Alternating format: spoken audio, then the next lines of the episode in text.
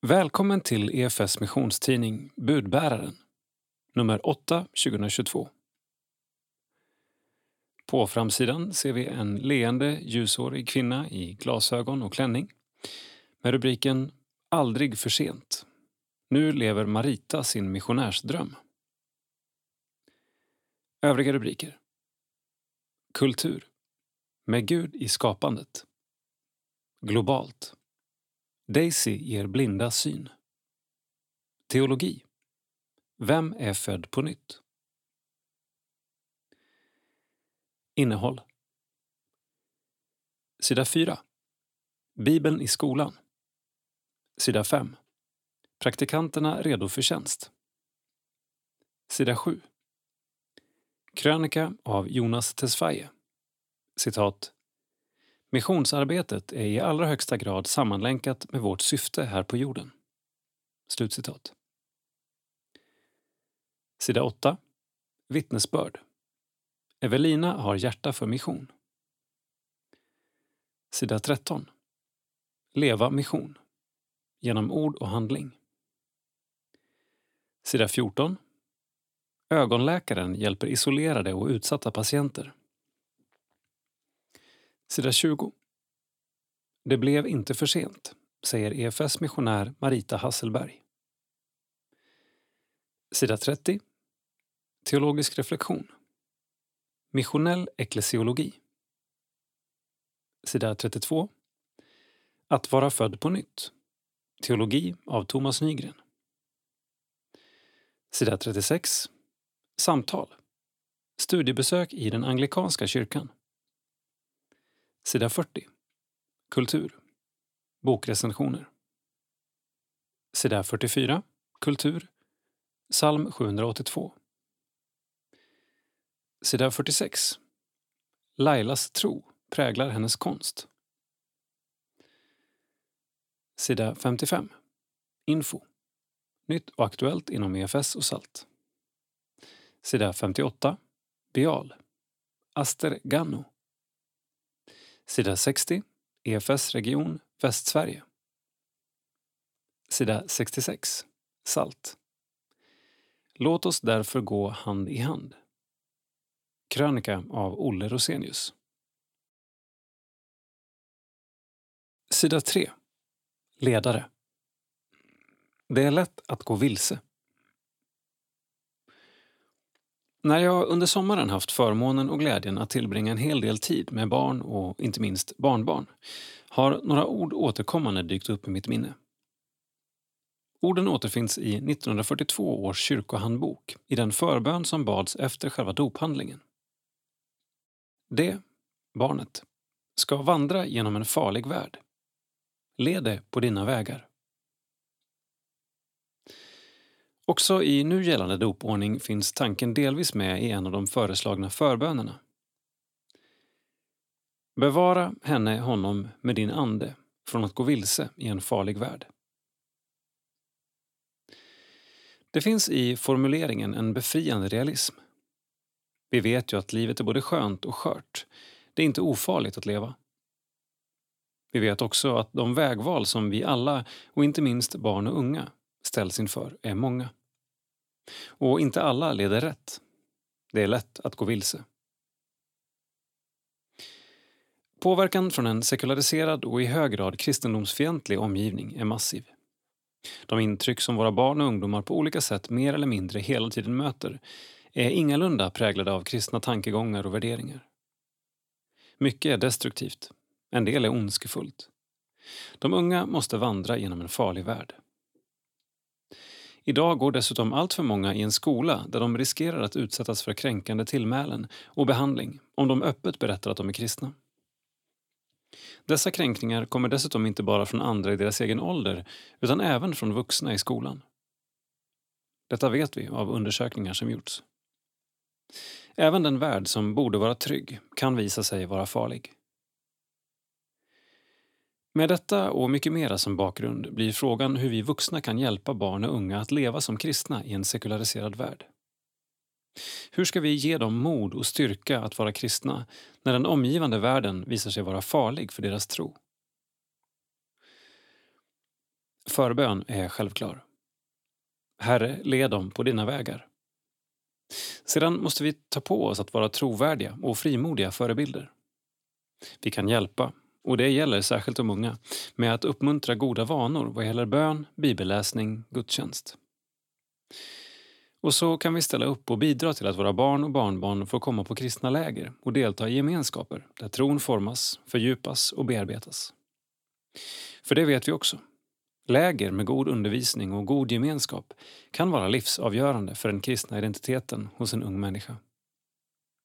Här har vi alla ett gemensamt uppdrag. Vi får helt enkelt bli en del av den där bönen. De ska vandra genom en farlig värld. Led dem på dina vägar. Lars-Olof Eriksson, ordförande EFS. Sida 4. Kortnytt. Bibeln i skolan. Bibelsällskapet erbjuder färdiga lektioner om Bibeln via ny webbplats. Skolelever ska enligt läroplanen lära sig vad Bibeln är och därför har Svenska Bibelsällskapet skapat ett nytt lektionsmaterial. På bibelniskolan.se erbjuds en resursbank med gratis material och lektionsförslag som utgår från bibeltexter och bibelberättelser med hänvisningar till kursplanernas innehåll. Målet är att det ska bli praktiskt och enkelt för lärare att använda dessa i klassrummet. Utbudet på Bibeln i skolan produceras av utbildade lärare och församlingspedagoger och kommer att utvecklas successivt. Materialet sammanställs av en redaktion som är icke-konfessionell. Vi har låtit lärare testa lektioner i skolmiljö och eleverna har varit med på noterna. Det hela känns positivt och roligt, säger webbplatsens redaktör Maria Utbult.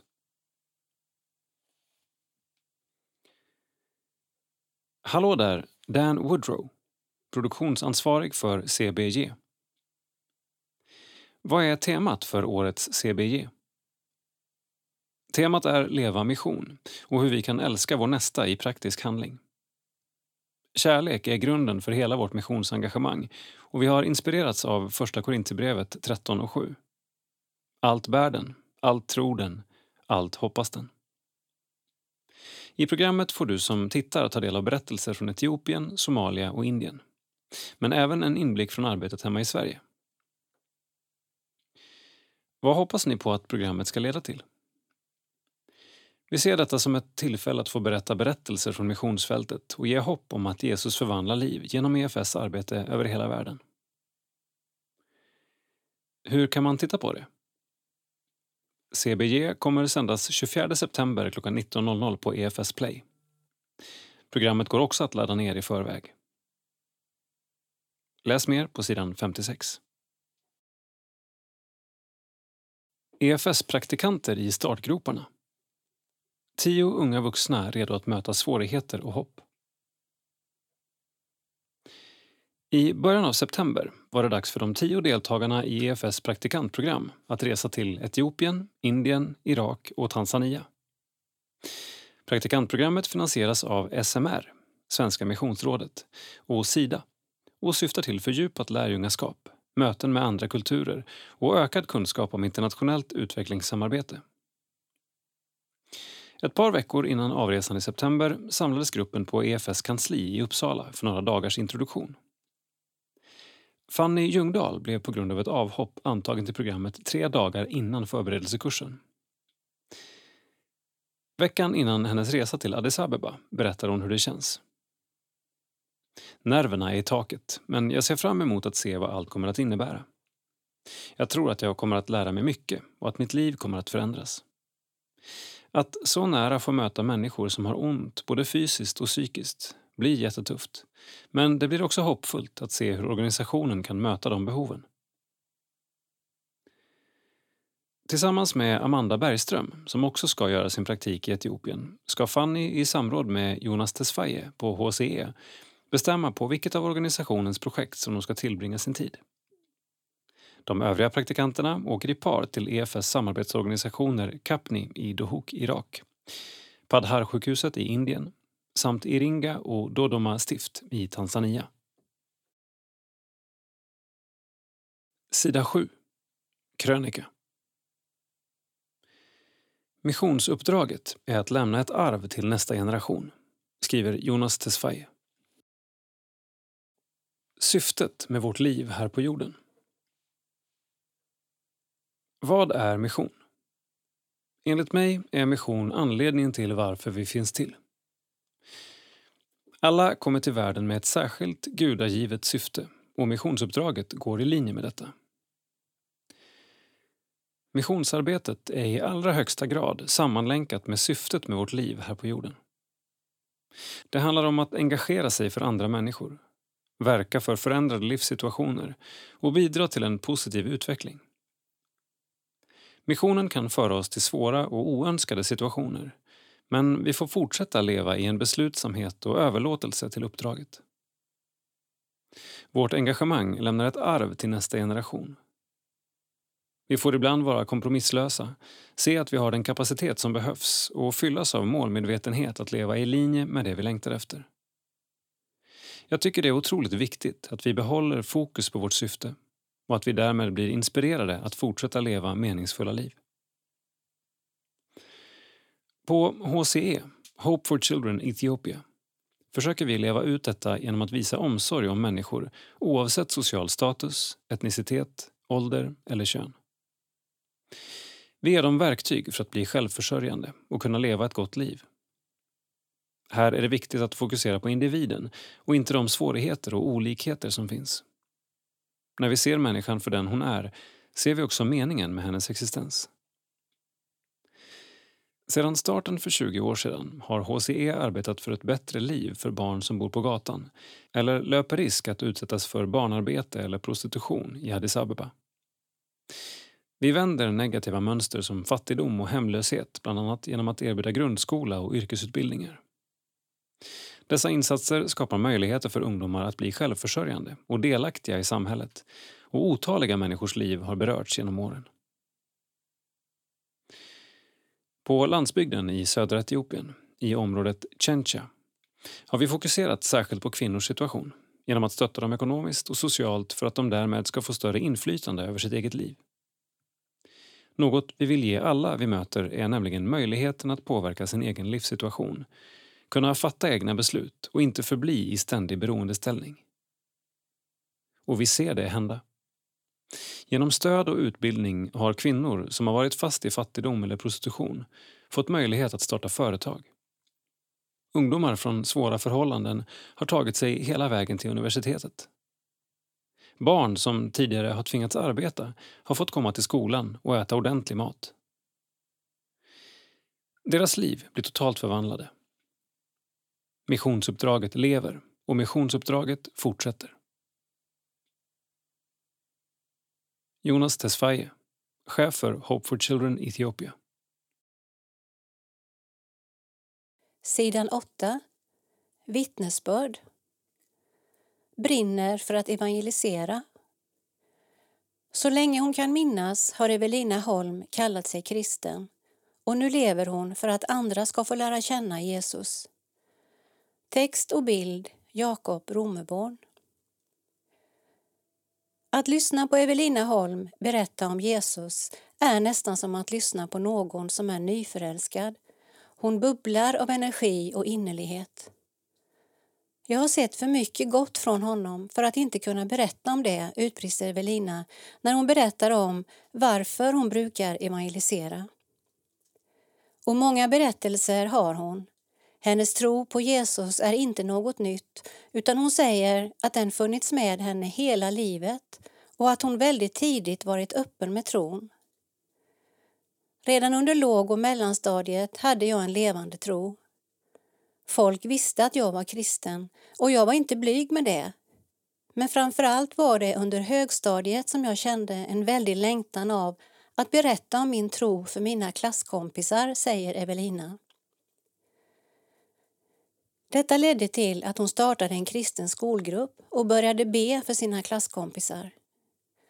Parallellt så läste hon också Bibeln och lyssnade på lovsång väldigt mycket vilket bidrog till att hon fick en ännu starkare längtan att dela med sig av sin tro som följde med upp i vuxen ålder. Jag längtar verkligen efter att få se andra människor möta Jesus. Oavsett om det är på jobbet, på gatan eller hemma hos mig så vill jag möta människor där de är. Att få dela livet med människor och samtala om tro, säger Evelina. Den här vardagsevangelisationen har som sagt tagit sig uttryck på många olika sätt. Dels genom personligt relationsbyggande med nära vänner och dels genom organisationen REACH, tidigare Pannkakskyrkan, som Evelina är aktiv i.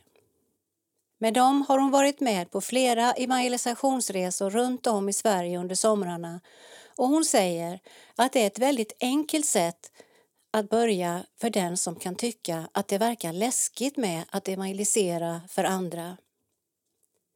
Det blir ett väldigt enkelt och avslappnat sätt att göra det på. Man delar ut pannkakor och så är det många som undrar varför man gör det helt gratis. Då är det bara att svara att Jesus älskar dem. Det blir väldigt konkret. Man bjuder in till mer av ett häng än att gå ut på stan och samtala med vem som helst, säger Evelina. Men även detta är något som hon har gjort och Evelina säger att det är lite svårare på grund av att svensk kultur ofta är mer reserverad. Evelina växte upp i Umeå och gick sedan bibelskola i Norge där hon fick möjlighet att åka ut i Europa på missionsresa vilket bara stärkte hennes kallelse till mission ännu mer. Efter två år i Norge flyttade hon dock hem igen när hon kände att Gud ledde henne till Göteborg och sedermera Uppsala för att studera på Johannelunds teologiska högskola. Jag kände att jag ville flytta mer norrut, så även om det inte är jättelångt norrut så är det ändå närmare hem och det går direkttåg till Umeå, säger hon och skrattar. Fortfarande är det mission i Sverige som ligger henne allra närmast om hjärtat.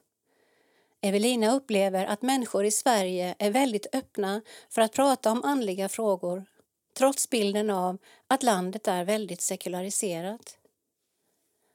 Jag tror verkligen att det finns ett stort behov av att prata om detta.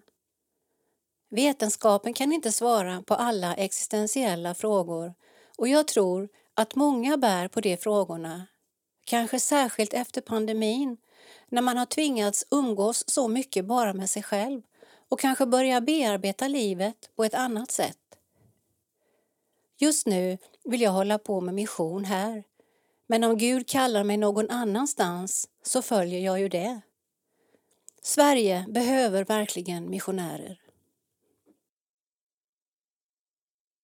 Evelina Holm Ålder 24 år Bor Uppsala Intressen Jazz, växter, vänner och kyrkan Drömmer om att människor ska få möta Jesus och lära känna pappa Gud.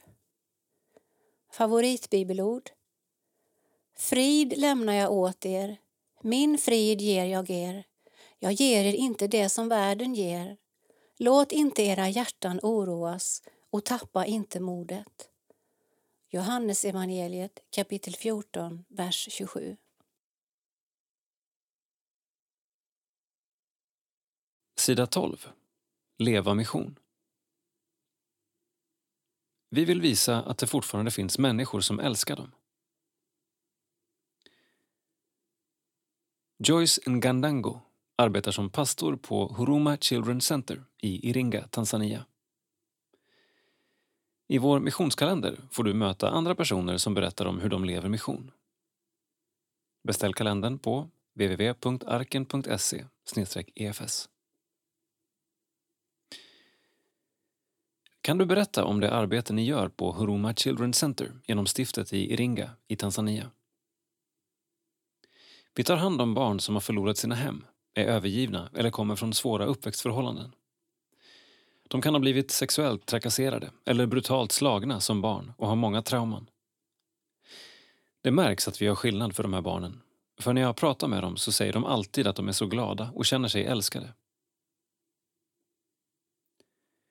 Finns något speciellt som ni som kyrka känner att ni kan ge till dem? Vi kan visa att vi älskar dem och att det inte spelar någon roll vad deras familjemedlemmar har gjort mot dem utan att det fortfarande finns människor som älskar dem. Vi har också en kaplan som lär ut Guds ord till dem. För vi vet ju om att vi har många behov att uppfylla i våra liv men framför allt så behöver de uppleva Guds kärlek.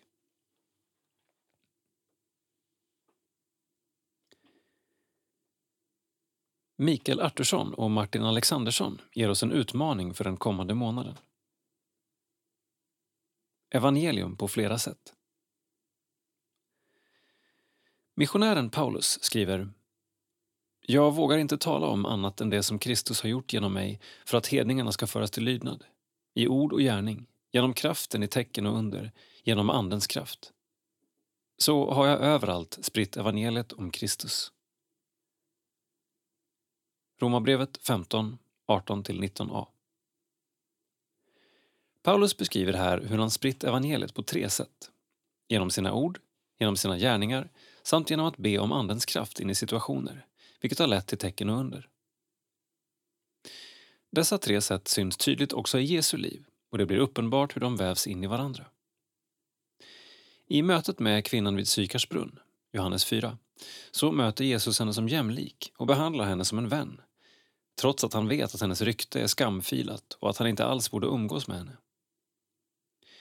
Hans omsorgsfulla sätt att möta kvinnan blir ett vittnesbörd som gör att det fortsatta samtalet om vem han själv är kan äga rum. När Jesus bjuder hem sig själv och sitt sällskap till den socialt utstötte Sackaios, Lukas 19, är det Jesu handlingar som leder till att Sackaios vill ordna upp sitt liv och följa Jesus. Andra gånger är det tecken och under som är Jesus startpunkt. I mötet med en spetälsk, Markus 1 40-45, är Jesu första ord till honom om hans helande och sedan berättar han mera. Och sedan har vi givetvis alla de gånger där Jesus först predikar och sedan får visa omsorg eller bjuda in Guds kraft. Dessa tre sätt på vilka såväl Jesus som Paulus delar evangeliet inbjuder oss att reflektera över vilka tillvägagångssätt som ligger nära oss och vilka vi är mer obekanta med. Det kan vara lite olika för oss, men kallelsen är att vi alla kan få leva ut tron på alla dessa tre sätt och ledas av Guds ande till vilket verktyg som passar bäst i varje given situation. Vi bör dock vara observanta när vi delar tron via våra handlingar eller genom att bjuda in Guds kraft, och om vi bara stannar där. Genom Guds nåd kan människan ha fått ett fysiskt behov mött eller erfarit Guds kraft, men gav vi henne möjligheten att få upptäcka mer om vem Gud är. Samma sak gäller naturligtvis när vi fått prata om Jesus men sedan inte låter det följas av visad omsorg och kärlek till människan genom handlingar eller bön. Risken är annars att det blir ett haltande evangelium. Lösningen blir att med Guds hjälp, under tid, försöka visa evangeliet på fler än ett sätt för en människa. Mikael Artursson och Martin Alexandersson. Utmaning Identifiera vilken av de tre områdena ord, gärningar eller Andens kraft som du känner dig minst hemma på att vittna genom. Bön. Sätt mig i en situation där jag får nyttja det område jag känner mig mest ovan med. Sidan 14. Globalt. Blind tro. Att våga tro när vi inte ser. Daisy Ruben Chaudhry var bara 17 år gammal när hon kom till Padars sjukhus för att göra en kortare volontärinsats. 23 år senare är hon Pardars främsta ögonspecialist och leder arbetet med den expanderande ögonkliniken som finansierats av EFS. Text Magdalena Vogt. Bild Christy Jennifer. Man kan säga att missionen valde mig, skrattar Daisy. Daisy Chaudrie kom till Padar efter gymnasiet för att pröva om hon skulle trivas med ett jobb inom hälsovården. Egentligen hade hon inte tänkt sig ett liv på landsbygden. Hon hade siktet inställt på en läkartjänst i någon av Indiens större städer. Men när hon mötte behoven och arbetet runt Padar tänkte hon om. När jag fick följa med läkarna och sjuksköterskorna ut i byarna och se hur de bad för människor och botade de som var sjuka så hände något i mig. Deras omsorg om byborna och den skillnad det gjorde i människors liv gjorde starkt intryck på mig. Jag började be till Gud att han skulle skicka fler människor som kunde hjälpa dem. Och när jag fick frågan om jag kunde tänka mig att stanna så förstod jag att Gud hade valt mig, berättar Daisy och skrattar till igen. Då kunde jag ju inte säga nej. Efter att Daisy accepterade sin kallelse har hon bara lämnat Padhar för att studera men mellan varje studieperiod har hon kommit tillbaka för att tjänstgöra vid sjukhuset och hennes kärlek till platsen och människorna har bara blivit starkare.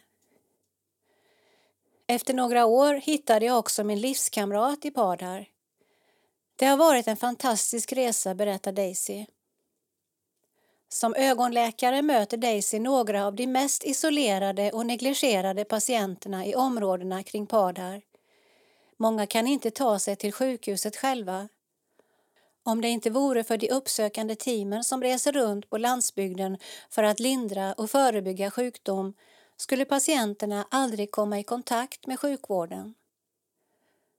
Jag har sett många hjärtskärande situationer där människor som förlorat synen förpassats till uthus eller separata rum eftersom de inte kan se och ta hand om sig själva. De har tvingats leva ensamma och deras familjer har inte velat hjälpa dem eller ta dem till sjukhuset för att få vård, berättar Daisy. Det stora flertalet av de som förlorat synen är äldre men många barn och unga drabbas också hårt. En ung pojke som gjort alldeles särskilt intryck på Daisy hette Arnshull. Han var i förskoleåldern när Daisy träffade honom och hans pappa under en av sjukvårdsteamets bybesök. När det var deras tur upplevde jag att pappan var väldigt loj och jag blev arg. Vad är det för slags far? Varför har du inte sökt hjälp tidigare? Jag var snabb att döma, men det skulle jag få ångra, berättar Daisy. Pappan satt tyst medan Daisy ställde sina frågor och sedan svarade han lugnt och samlat att han visst sökt hjälp. Han hade besökt många kliniker men blivit avfärdad eftersom han inte haft råd att betala. Att operera grå starr på ett barn är mer komplicerat än att behandla en vuxen och föräldrarna kunde helt enkelt inte bekosta detta. Pappan förklarade att han kände sig hjälplös. De följande dagarna gjordes ett antal undersökningar och det visade sig att Anshull hade en allvarlig grå starr på båda ögonen i kombination med ofrivilliga ögonrörelser, så kallad ögondarrning. Anshull var mycket samarbetsvillig. Han lärde snabbt känna våra röster och var väldigt förväntansfull inför operationen vilket gjorde mig ännu mer nervös. Jag hade precis avslutat mina studier och jag visste att det här var ett svårt ingrepp och att utgången var osäker. Kvällen innan bad jag till Gud att han skulle göra ett mirakel. Gode Gud, ge Ansul synen tillbaka, bad jag. Jag har aldrig sett ett så lugnt barn under en operation. Han var klarvaken och rörde inte en muskel. Efteråt log han. Han hade sån tilltro och hans tro avspeglades i det stora leendet, berättar Daisy. Nästa dag var det en ivrig aktivitet på avdelningen när förbanden och kompresserna skulle tas bort. Daisys hjärta slog hårt. När hans ögon öppnats och de mötte mina frågade jag Kan du se mig? Han svarade Ja, du har brillor. Hela avdelningen brast ut i skratt och från den stunden visste jag att han skulle klara sig, säger Daisy. Hon är märkbart berörd när hon tänker tillbaka på Anshull. Efter en stunds eftertanke tillägger hon Anshull lärde mig också något viktigt om tilltro, om att våga tro även när vi inte ser. En blind tro.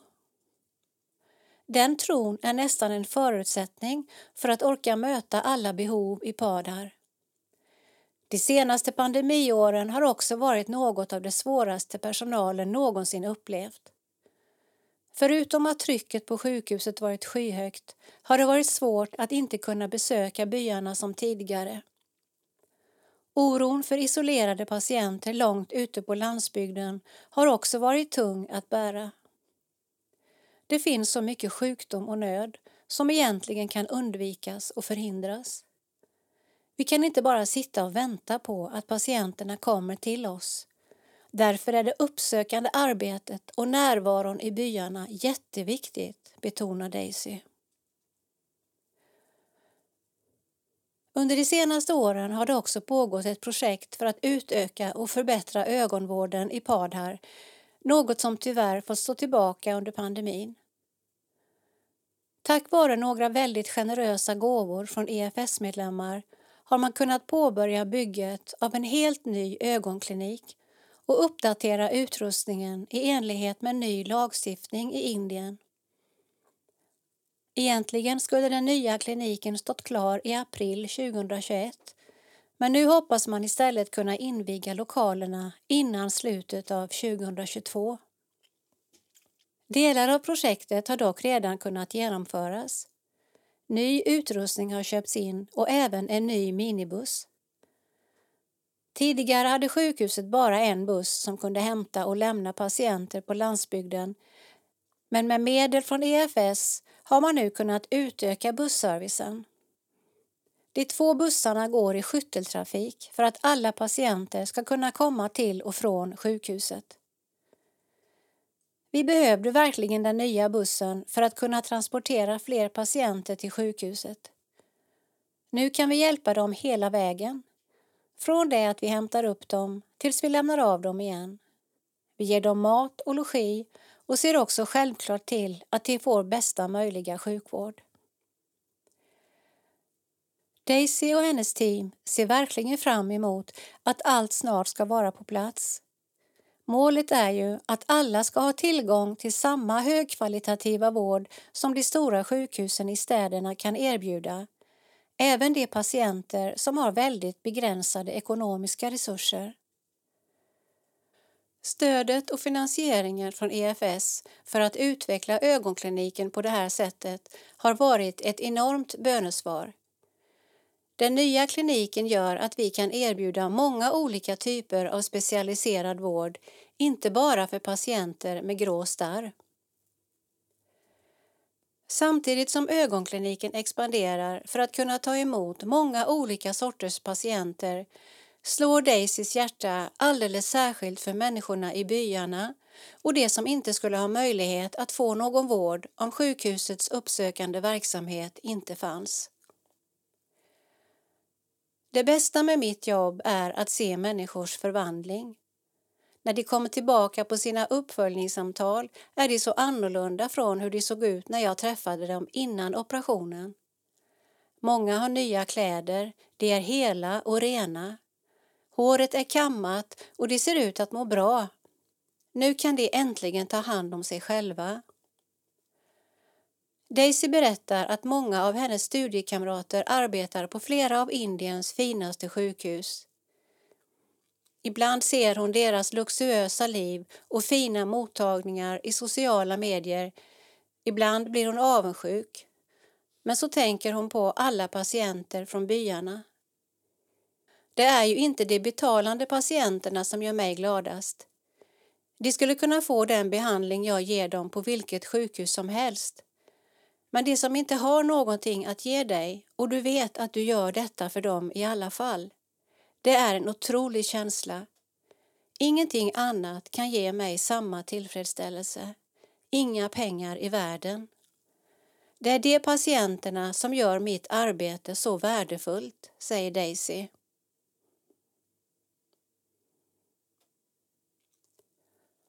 CBJ.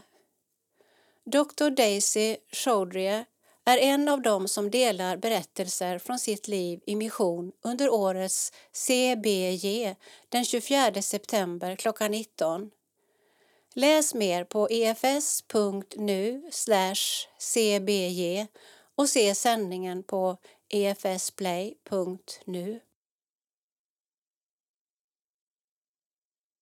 Sidan 20 Porträtt. Barnen och missionen. Det är aldrig för sent. Det går att bli missionär mitt i livet, menar Marita Hasselberg, utsänd till Tanzania sedan 2020. Text Josefin Follsten. Bild Magdalena Vogt. När Marita dyker upp på skärmen är det med ett brett leende och den numera så vanliga inledningsfrasen Hör du mig? Hon och jag får ett långt och innehållsrikt samtal över internet. Vi talar om längtan, kallelse, missionärslivet och om hur det aldrig behöver bli för sent. Redan som liten flicka lyssnade Marita på hemmavarande missionärers berättelser i den församling där hon växte upp. Hon berättar hur ett frö av missionslängtan såddes inom henne då. Hon skrev till och med en liten dikt om fröet som hamnade i hennes hjärta. Men fröet fick heta ärta för att det skulle rimma på hjärta.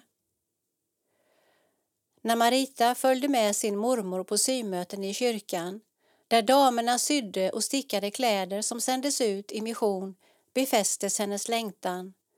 För att i tonåren, när Marita brevväxlade med missionärer, djupna ännu mer. Nu bor Marita Hasselberg med sin make Karl i Tanzania sedan februari 2020. När jag frågar om de trivs så skiner de båda upp och säger ja, mycket bra. När de sändes ut var det med dubbla utsändningsgudstjänster, en i Sverige och en i Danmark. Så ordnades det eftersom makarna är utsända både av EFS i Sverige och av Dansk-Luthersk mission, DLM. I Tanzania bor Karl och Marita på en gård som även huserar en bibelskola. Det är som att bo på en svensk folkhögskola ungefär. Här finns elevernas logement, en kyrkobyggnad, skolsalar, en matsal, ett bibliotek, lärarbostäder, en verkstad där det görs olika snickerier, en sysal och andra småhus för olika ändamål. Det finns också en kvarn där, där man maler majsmjöl till ugali som utgör basföda i Tanzania en svinstia där det föds upp grisar för kött och åkermark för odling gör att skolan blir i princip självförsörjande, berättar Marita. Det är ett annorlunda liv de valt, makarna Hasselberg. Detta val gjorde de i en tid i livet där en etablerad tillvaro kanske skulle få andra att tveka. Men Marita och Karl tänkte inte så. Vi tänkte såklart på vad barnen skulle säga när vi började fundera på att ge oss iväg, säger Marita. Barnen är stolta över oss. De säger till och med att de utmanas av oss. Att vi inte lät oss stoppas att följa våra drömmar. Samtidigt är det klart att det ändå är med sorg i hjärtat som vi kramar barnen och mina föräldrar farväl efter sommarbesöken i Sverige. Att vara så långt ifrån dem och också på ett sätt beröva barnen ett föräldrahem på nära håll är en av de stora utmaningarna med att åka iväg, så som vi gjort. Marita fortsätter sin berättelse om beslutet att flytta utomlands som missionärer med stor inlevelse. Det blev inte för sent och det är inte för sent. Våra liv i Sverige har varit meningsfullt så det är inte det. Jag fick tag på ett citat från Sören Kierkegaard där han sa att våga är att förlora fotfästet en liten stund. Att inte våga är att förlora sig själv. Så ja, det är en utmaning. Men man får väldigt mycket tillbaka när man vågar. Marita är sjuksköterska och Karl är utbildad teolog. Marita har även utbildat sig vidare till barnsjuksköterska. När Marita började den vidareutbildningen fick hon redan första dagen veta att det fanns möjlighet att göra praktik på Missionssjukhuset Nkinga i Tanzania. Då såg Marita sin chans att få pröva på att arbeta i mission. Marita kom iväg på praktik i tio veckor och skrev sin magisteruppsats när hon var i Nkinga 2015.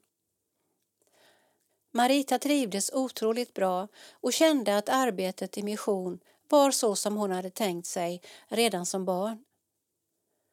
På Nkinga träffade hon andra svenskar som var utsända av Skandinaviska läkarbanken, SLB, som volontärer. Genom SLB fick Marita möjlighet att komma tillbaka till Nkinga och göra volontäruppdrag flera gånger. Vid några sådana volontärinsatser följde Karl med vilket gjorde att han också fick upp ögonen för möjligheten att arbeta utomlands. Marita och Karl tog kontakt med flera sändande organisationer som Evangeliska Frikyrkan, EFK, och Evangeliska Fosterlandsstiftelsen, EFS, båda samfund de har relationer till. De var i process för en tjänst i ett annat afrikanskt land under en tid men den processen slutade i att det inte blev aktuellt. Men det var så märkligt. Samma dag som vi hade fått meddelandet om att det inte blev aktuellt i den där processen så ringde en pastor från Tanzania och sa Ni ska till Tanzania. Han har aldrig ringt mig, vare sig förr eller senare och det blev en sådan uppmuntran att han ringde just den dagen. En dörr stängdes men det där telefonsamtalet kändes som en bekräftelse på att Gud kan öppna nya dörrar. Marita och Karl gick när detta hände redan på ett ettårigt program för mission och interkulturella studier, Promise. Så det var snopet. Vi fortsatte på utbildningen och litade på att Gud hade en annan öppning för oss än den vi först hade trott, säger Marita. Under tiden då Marita reste fram och tillbaka på volontärinsatser till Nkinga lärde hon känna en Nepalmissionär som heter Pernilla Adeby. Även hon hade relation till SLB men var utsänd via EFK. Pernilla har sedan tidigare utvecklat en kurs som heter Pediatric Nursing Course, PNC, vilket är en vidareutbildning för sjuksköterskor att få kunskap om att arbeta med barn. Pernilla och jag jobbade då under några år med att anpassa PNC-kursen till tanzaniska förhållanden och jag genomförde tillsammans med Pernilla pilotkursen i PNC på Nkinga. I relation till detta tog missionärshandläggaren Stefan Rost på EFS kontakt med makarna Hasselberg och berättade att DLM sökte missionärer i Tanzania och att det vore naturligt med ett samarbete mellan EFS i Sverige och DLM. Vi tog kontakt med DLM. Sedan påbörjades en process som handlade om tjänst här i Tanzania och det gick ganska snabbt. Vi sökte tjänst på försommaren 2019 och i augusti var det bestämt att vi skulle bli utskickade. Hasselbergs är nu, sedan början av 2020, utsända i ett samarbete mellan EFS och DLM. Det är väldigt naturligt med detta samarbete eftersom den lokala tanzaniska kyrkan Evangelical Lutheran Church of Tanzania, ELCT, är systerkyrka för alla de skandinaviska lutherska missionerna, berättar Marita. När Karl och Marita kom till Tanzania läste de först språk i fem månader. Efter språkstudierna klarar vi nu att undervisa på swahili på bibelskolan och när jag arbetar på sjukhuset så talar jag swahili med patienterna, berättar Marita. Karl arbetar heltid på bibelskolan som teologilärare där Marita också undervisar i hälsa och engelska två dagar i veckan.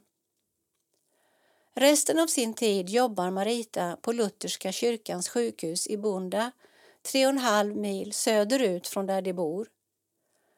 Där arbetar hon på sjukhusets barnavdelning och på förlossningen med för tidigt födda barn men gör även insatser på barnavårdscentralen när det behövs. För detta krävdes att Marita skaffade tanzanisk sjuksköterskelegitimation. För att få legitimation gick det åt mycket papper, intyg, underskrifter och stämplar. Men det gick till slut, säger hon med ett stort leende. Marita är utsedd till missionär för barn i alla länder och jobbar med barns rättigheter med hjälp av exempelvis PNC.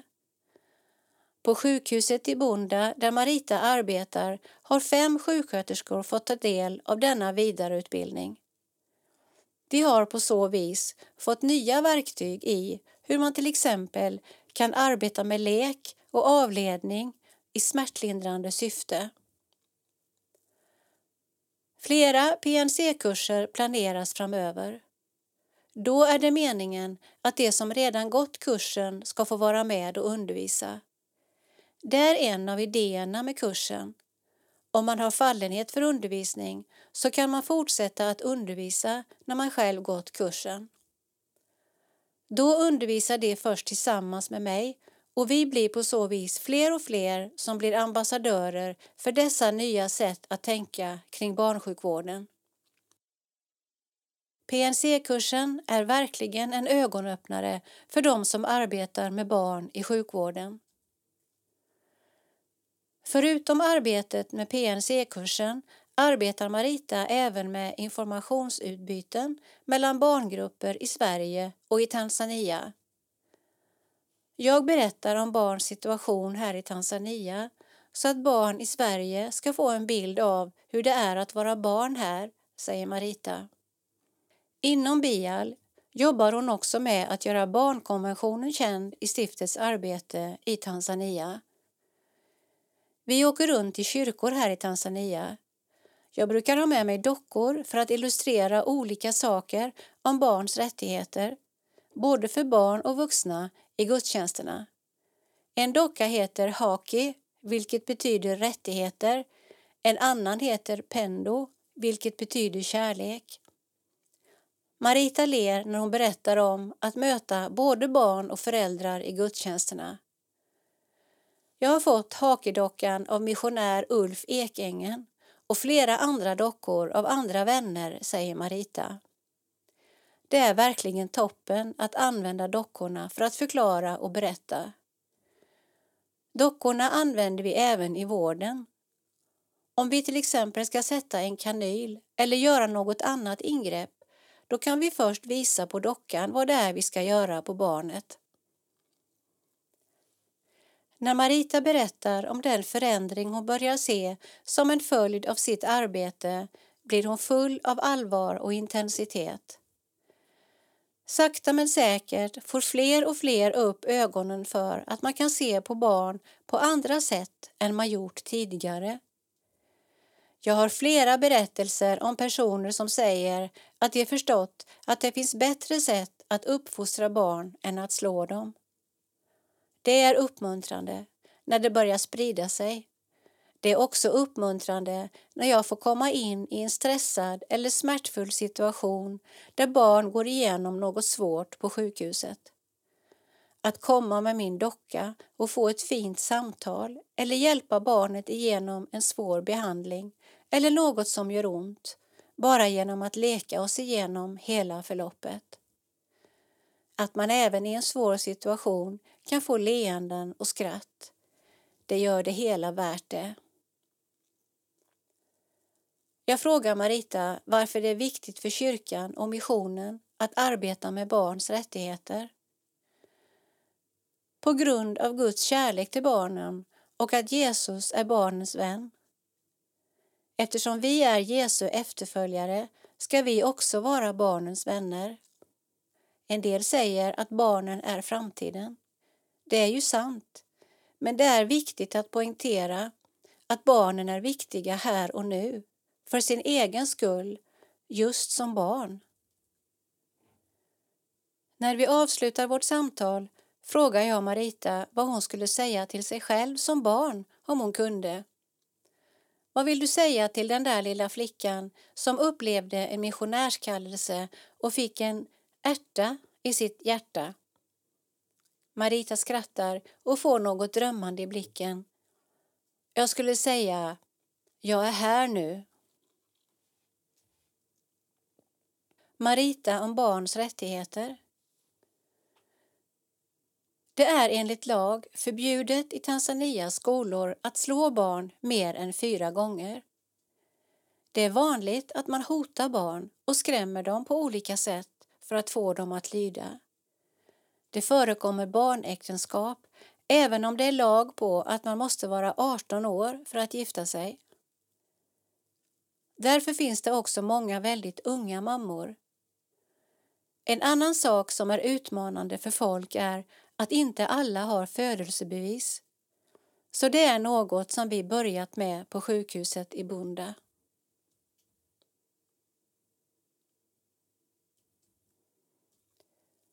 Marita Hasselberg Ålder 55 år i maj.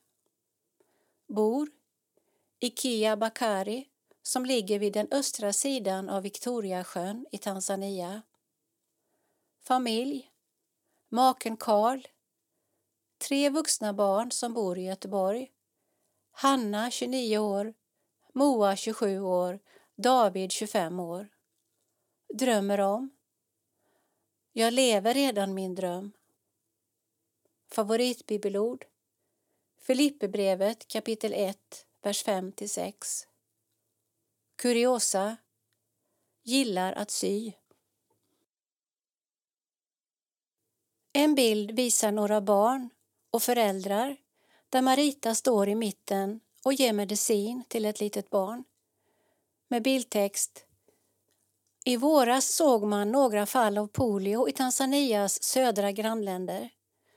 För att utrota sjukdomen pågår en vaccinationskampanj med extra doser för alla barn under fem år. Cecilia Mbuya, föreståndare för sjuksköterskorna på sjukhuset i Bunda, säger Jag är så tacksam för Marita. Jag tror att hon har en kallelse från Gud. Jag har sett henne ge god omvårdnad, särskilt till barnen, och hon är väldigt vänlig.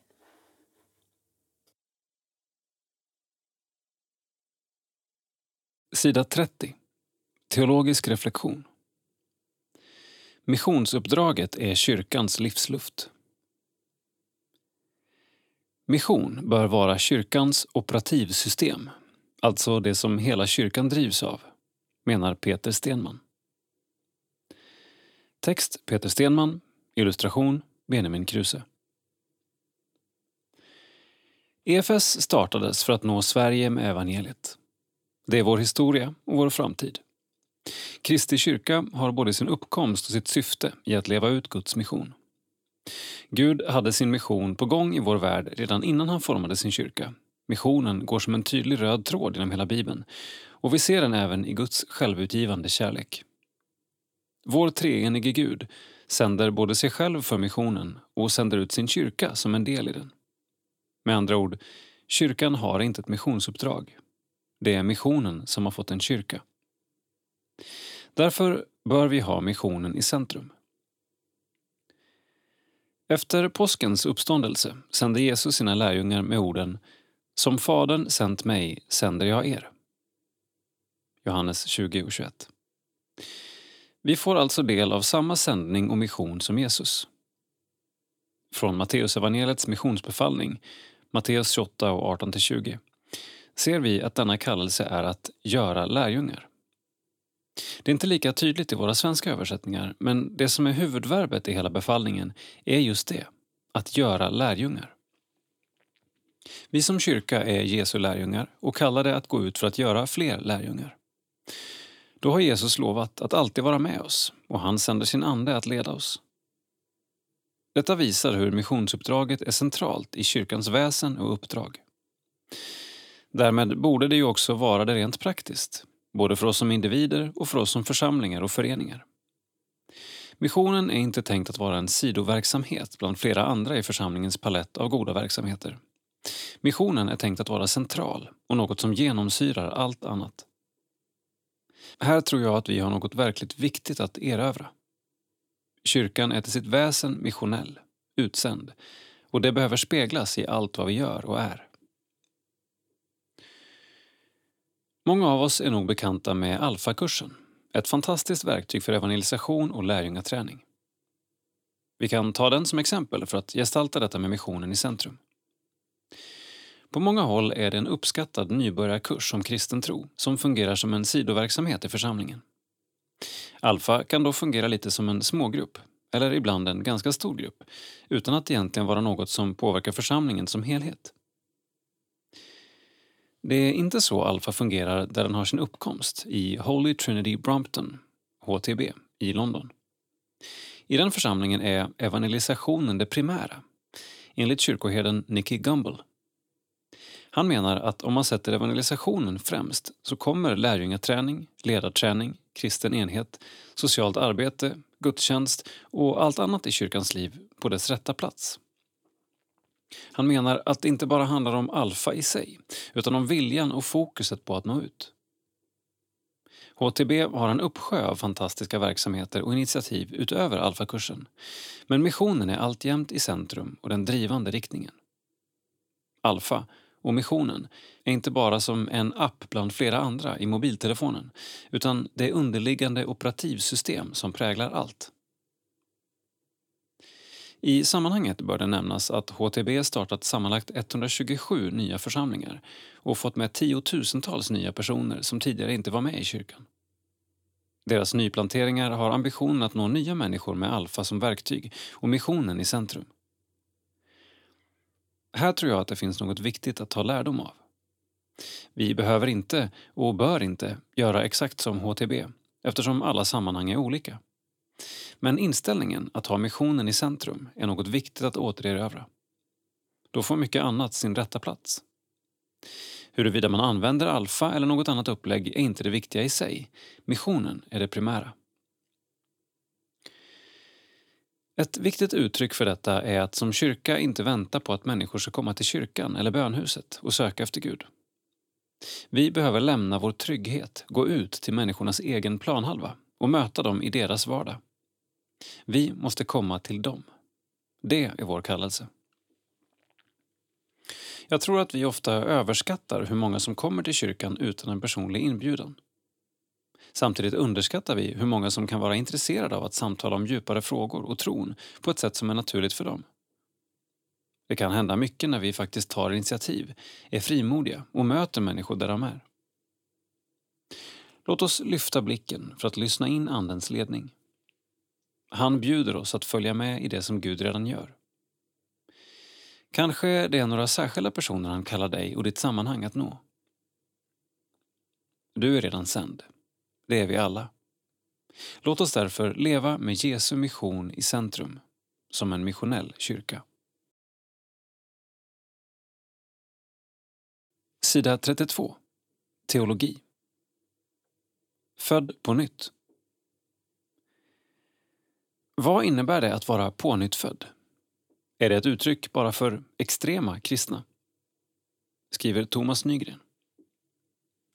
Text Thomas Nygren. Illustration Benjamin Kruse. För några år sedan gjordes en undersökning bland amerikaner vilka typer av grannar man ville ha. En av de saker som kom fram var att majoriteten av de tillfrågade inte ville ha en born again Christian, född på nytt kristen, väckelsekristen, till granne. Väckelsekristna, born again-kristna, omnämns ofta i media i mindre smickrande sammanhang. Under coronapandemin har det bland annat handlat om motståndet mot vaccin. Vid beskrivningar av extrema sektliknande kristna grupper, sådana som media älskar att berätta om, dyker termen väckelsekristendom ofta upp. När kristna rollgestalter porträtteras i tv-kanalernas och streamingutbudets deckarserier framställs de ofta på ett mindre sympatiskt sätt, inte sällan som medlemmar i någon skruvad väckelsekristen sekt. Nej, väckelsekristendom har det inte lätt i dagens medielandskap. Just därför är det värt att reflektera över vad Född på nytt egentligen står för, eller borde stå för. Begreppet har nämligen spelat en viktig roll både i frikyrkan och i väckelserörelser inom Svenska kyrkan, som exempelvis EFS. Schablonbilden som vi idag lätt kan få är att en person som beskriver sig som född på nytt är en naiv, oftast outbildad, känslosam och obalanserad person. Kanske med trasslig bakgrund och som just därför behövt en radikal upplevelse för att kunna få ordning på sitt liv. I förlängningen av schablonbilden får vi två sorters kristna. Vanliga normala kristna och lite extremare kristna. De senare säger gärna att de är födda på nytt. Vad är det att vara född på nytt enligt Bibeln? Om vi går till den bibliska bakgrunden till uttrycket född på nytt är Johannes evangeliet en lämplig startpunkt. Redan i första kapitlet tas frågan upp. Men åt dem som tog emot honom, Jesus, gav han rätten att bli Guds barn, åt alla som tror på hans namn. Som har blivit födda, inte av blod, inte av kroppens vilja, inte av någon mans vilja, utan av Gud. Johannes 1 och 12-13. Även om termen född på nytt inte används ordagrant här så är saken tydlig. Det radikala påståendet Johannes gör är att det är samma sak som att tro på Jesus. Med andra ord går det inte att vara kristen utan att vara född på nytt. Temat dyker åter upp i kapitel 3 när Jesus möter Nikodemus. Vi får veta att Nikodemus är farisé och medlem av judarnas råd. Det betydde att han var en ansedd välutbildad, troligen äldre herre vars liv kännetecknades av att han noggrant följde både etiska och religiösa bud. Utifrån detta kan vi dra slutsatsen att han med all sannolikhet uppfattades som balanserad och stabil. Med andra ord var Nikodemos som person raka motsatsen till schablonbilden vi kan ha av vem som behöver födas på nytt. Till honom säger Jesus Sannerligen, jag säger dig, den som inte blir född på nytt kan inte se Guds rike. Johannes 3 och 3. Även Nikodemos, som alltså var en högutbildad religiös praktmänniska, behövde bli född på nytt. Jesu tal om att bli född på nytt blir därmed en utmaning till tanken att det är en människas egen godhet, religiositet eller etik som gör att hon passar in i Guds rike.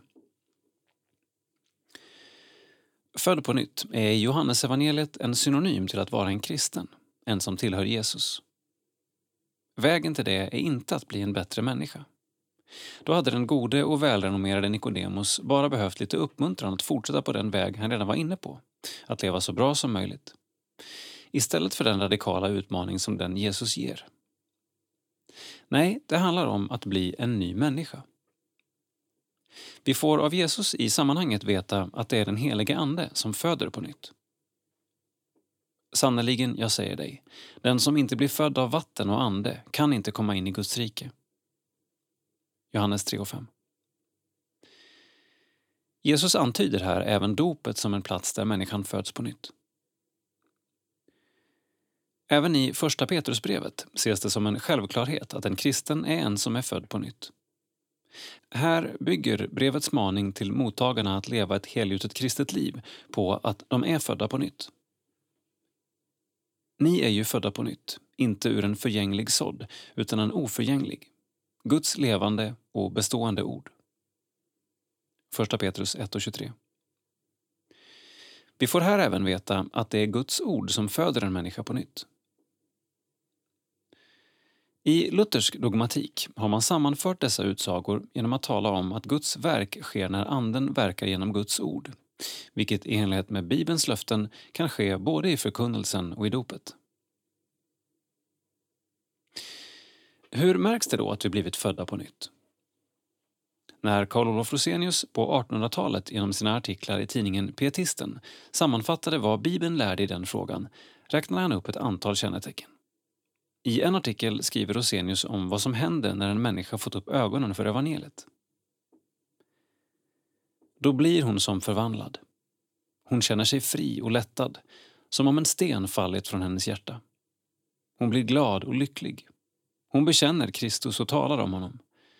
Det hon tidigare glatt sig åt räknar hon nu som en ren förlust jämfört med detta att ha fått lära känna Kristus. Filipperbrevet 3 och 8. Nu är det med villigt hjärta hon gör goda gärningar. Nu älskar hon dem som hör Herren till. Nu lider hon gärna något för Jesus skull. Samtidigt noterar Rosenius att tron hela tiden prövas. Det gör att dessa kännetecken inte alls alltid är synliga. Den kristne märker att hon inte ber rätt, inte älskar rätt, inte ångrar sig som hon borde och så vidare. Till sist blir enligt Rosenius det viktigaste inte de osäkra kännetecken på Andens verk som kan finnas i henne själv, utan vad Kristus gjort för henne. Därmed blir det viktigaste kännetecknet på den som är född på nytt att hon vänder sig till Jesus, vill tro och förtrösta på honom. Sådant kan bara den helige Ande skapa. Ibland sammankopplas detta med att vara född på nytt med en stark daterbar andlig upplevelse. Något som Gud ger vissa människor i anslutning till att de blir kristna. Det kan dock lika gärna ske på ett stilla, knappt märkbart sätt genom att den som blivit kristen blir varse att nu tror hon på Jesus och vill tillhöra honom, även om hon inte riktigt vet tidpunkten när tron smög sig in i hennes liv. Det kan också ske efter en andlig kamp, eller så kan det vara som det varit för mig. Jag döptes mindre än en vecka gammal och kan aldrig påminna mig om att jag inte trott på Jesus, även om det funnits perioder med olika typer av starka tvivel. Lika lite som jag minns min fysiska födelse minns jag min andliga födelse. Båda är ändå lika verkliga för mig nu. Till sist. De olika sätt som finns att tala om vad som kännetecknar kristen har var och en sina poänger. Talet om att bli född på nytt bidrar med att lyfta fram hur det kristna livet i en människa är något som Gud själv skapar. Det är en gåva. Det påminner oss också om att det är en levande relation som inte enbart handlar om att Gud genom Kristus gjort något för oss utan även om att den helige Ande arbetar i oss. Det är dags för hela kristenheten att åter lägga beslag på talet om att vara född på nytt. Det är inte något för bara en viss typ av människor. Det är för alla. Det är att vara kristen och tillhöra Kristus. Därför är frågan till var och en av oss är du född på nytt? Sida 36. Samtal. Lärdomar från anglikanska kyrkan. Det finns väldigt mycket som både EFS och Svenska kyrkan kan dra lärdom av från Church of England, skriver Magnus Persson. Text Magnus Persson. Den anglikanska kyrkan har många likheter med Svenska kyrkan. Precis som i Sverige finns det kyrkor i varje stadsdel och samhälle över hela landet. Och även i England kämpar man med att allt för många av dem gapar tomma, läggs ner och säljs. Idag ser man god frukt av det arbete man bedrivit för att vända trenden. Här finns mycket för oss att lära. I Londons anrika biskopshus finns The Gregory Center for Church Multiplication CCX. Namnet är inspirerat av påven Gregorius den store som år 597 sände ut missionärer till England för att predika evangeliet och grunda församlingar. CCX arbetar målmedvetet med att vitalisera existerande kyrkor och har understött starten av 87 nya gudstjänstfirande gemenskaper i stiftet. De har precis lanserat en vision om starten av 400 nya gudstjänstfirande gemenskaper fram till 2030. Biskopen i London, Sarah Mullally, har slagit fast vi måste fortsätta att driva en kraftfull policy för församlingsplantering, vare sig det är i nya sammanhang eller handlar om att vitalisera existerande kyrkor, varhelst missionstillfälle uppstår och varhelst möjligheter kan skapas. Som ett viktigt led i denna process talar biskop Sarah om nödvändigheten av vad hon kallar för resurskyrkor. Detta är livskraftiga församlingar som kan fungera som exempel och inkubatorer för nya satsningar och är redo att bistå med sin kompetens och sina resurser. Kring dessa resurskyrkor uppstår det informella nätverk av församlingar och planteringar som de betjänar. I London har biskopen avskilt 19 sådana resurskyrkor och säger dessa församlingar har framträtt som möjliggörare och jag är angelägen om att fortsätta att uppmuntra dem att växa ge vidare sina resurser, vitalisera existerande församlingar och plantera nya kyrkor. På CCX möter jag H. Miller som fungerar som daglig ledare för verksamheten. Miller menar att församlingsvitalisering och församlingsplantering går hand i hand och att starten av nya kyrkor egentligen inte är något dramatiskt. Alla kyrkor genom historien blev startade någon gång.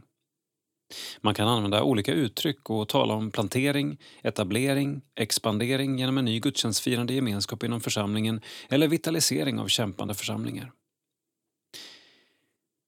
Miller, som även är verksam som assisterande kyrkoherde i St. Barnabas församling i Kensington, berättar om dess historia. St. Mary Abbots församling beslutade 1825 att ur sin församling sända ut människor och starta två nya församlingar i sin stadsdel för att nå fler människor. St. Barnabas är den ena och den andra är den mycket välkända Holy Trinity Brompton Church, HTB, som idag har startat flera nya församlingar i London och runt om i England. Miller betonar behovet av en mixed ecology i kyrkolandskapet. Med termen menar han att det aldrig har funnits en enda specifik kyrkomodell som fungerat för alla överallt. En hälsosam mångfald av gudstjänstfirande gemenskaper, även inom ett och samma pastorat, behövs för att nå olika människor i vår tids komplexa sociala strukturer. CCX är primärt verksamma inom stiftet i London men fungerar i en rådgivande och rustande roll för de övriga stiften i England. De bedriver coaching, utbildningar och konferenser. Ola Nilsson, präst i Hagakyrkan i Markaryd, deltog på CCX-konferens i juni. Jag skulle säga att jag är betagen.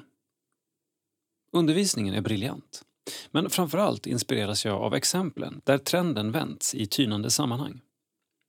Ideella och präster andas både engelskt lugn och evangelistisk iver. Detta är vad de vill göra. Inte för att rädda en organisation, utan för att sprida glädjen i en enkel, självsäker Jesus-tro till nya människor på nya sätt. Ola sammanfattar sina intryck. Detta kan vi också få se i Svenska kyrkan. I London fick jag även möjligheten att möta Holy Trinity Brompton och deras olika verksamheter. Jag satt ner med Mark Elston Dew som är ansvarig för deras planterings och vitaliseringsarbete som består av ett nätverk på över 100 församlingar. Han berättade inspirerande om olika kyrkor som stått tomma och varit nedläggningshotade men som idag är fyllda av folk och liv. Ett sådant exempel kommer från Brighton. Den stora katedralen i staden hade länge stått tom och stängd på grund av stora renoveringsbehov. Biskopen i stiftet hörde av sig till HTB och undrade om de kunde hjälpa till med en nystart. 2009 sändes Archie Coates ut från HTB som ny präst till Brighton tillsammans med ett team på 30 personer. Idag är det en levande församling som samlar massor av studenter, unga familjer och har ett stort socialt arbete bland hemlösa och drogmissbrukare. Tillväxten i St. Peters i Brighton har lett till att flera andra tomma kyrkor har fått nytt liv. Precis som Coates med team blev utsända från HTB har St. Peters fortsatt att sända ut folk till olika platser på stiftets inbjudan. Marie-Louise Nilsson har jobbat många år som präst inom EFS och Svenska kyrkan och har arbetat med Alfa på olika sätt i drygt 20 år. Sedan 2020 har hon en tjänst inom Alfa där hon har tät kontakt med HTB. Hon menar att det som kännetecknar församlingen är en genuin respekt för människors frågor där man verkligen försöker möta människors sökande utan att förlora frimodigheten att tydligt visa på evangeliet. Marie-Louise gör en koppling till Sverige. Jag tänker på kyrkomötets uppmaning 2019 att långsiktigt och systematiskt satsa på undervisning och lärande i kristen tro. I England har man insett att kyrkan befinner sig i en missionssituation och under decennier satsat på detta.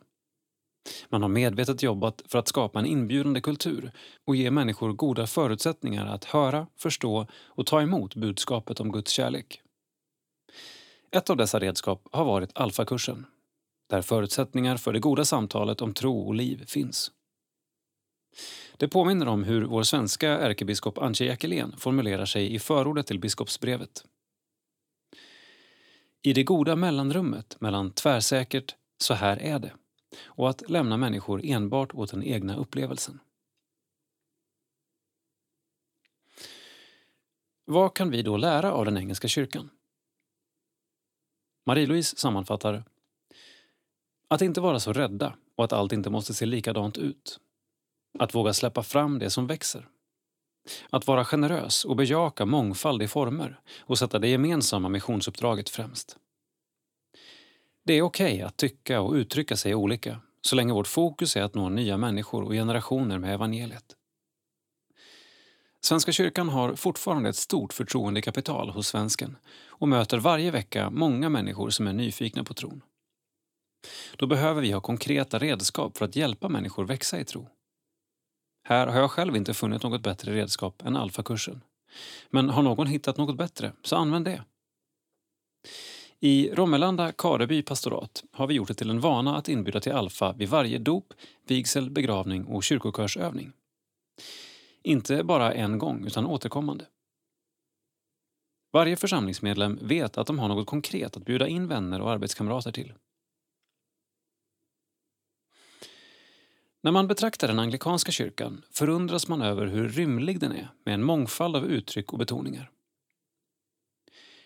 Graham Tomlin, biskop i Kensington, håller med och förklarar Vår kyrka påminner om en stor familj med många barn där syskonen kan vara väldigt olika varandra trots att de tillhör samma familj.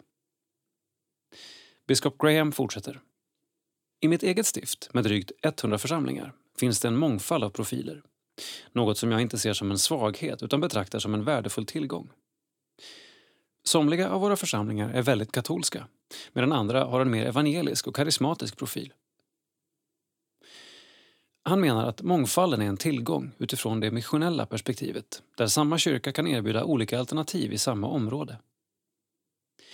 Biskop Graham hänvisar till C.S. Lewis. Lewis formulerade en typ av generös ortodoxi i boken Mere Christianity. Han beskriver där kyrkan som ett stort hus med många rum men som alla hålls samman genom en central hall eller lobby. I rummen odlas olika fromhetstraditioner men dörren in till huset och hallen är gemensam för alla som finns under husets tak. Man behöver inte lämna huset för att ta till sig rikedomarna som finns i de olika rummen. Biskop Graham har varit med och format St. Melitus College, ett teologiskt seminarium som tagit fasta på denna inriktning. Här är man mån om att blanda akademiska studier med församlingspraktik och andlig formation. Man har även ett speciellt utbildningsspår för pionjärer med fokus på att ordinera präster för missionala insatser och församlingsplantering. Vi försöker förena teologiska och liturgiska rötter från kyrkans djupaste tradition med nya sätt att vara kyrka och mer kontextuella uttryck för både gudstjänst och mission, beskriver biskop Graham. Orden sammanfattar väl min egen upplevelse av Church of England. Mångfald och enhet. Ödmjukhet och frimodighet.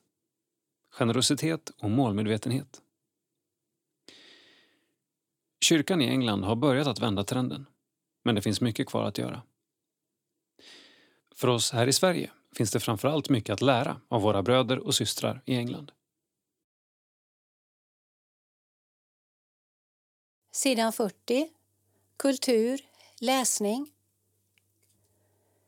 Hur ska vi förstå Gud? Timothy Keller, Apologia förlag 2022. Recension Timothy Kellers senaste är uppföljaren till Varför ska jag tro på Gud? som bemötte vanligt förekommande invändningar till den kristna tron. Men hur ska vi förstå Gud? Tar inte vi där den förra boken slutade? Snarare tar den ett kliv tillbaka. Nu handlar det inte främst om att bemöta direkta motargument till kristen tro utan om att förklara varför tron överhuvudtaget är relevant att bemöta. Sannerligen ett viktigt ämne.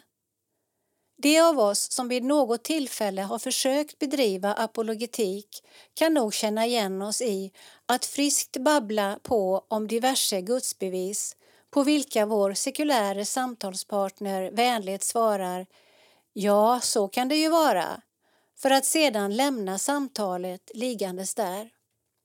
Och likgiltighet, det kan vara svårare att bemöta än aktiv fientlighet.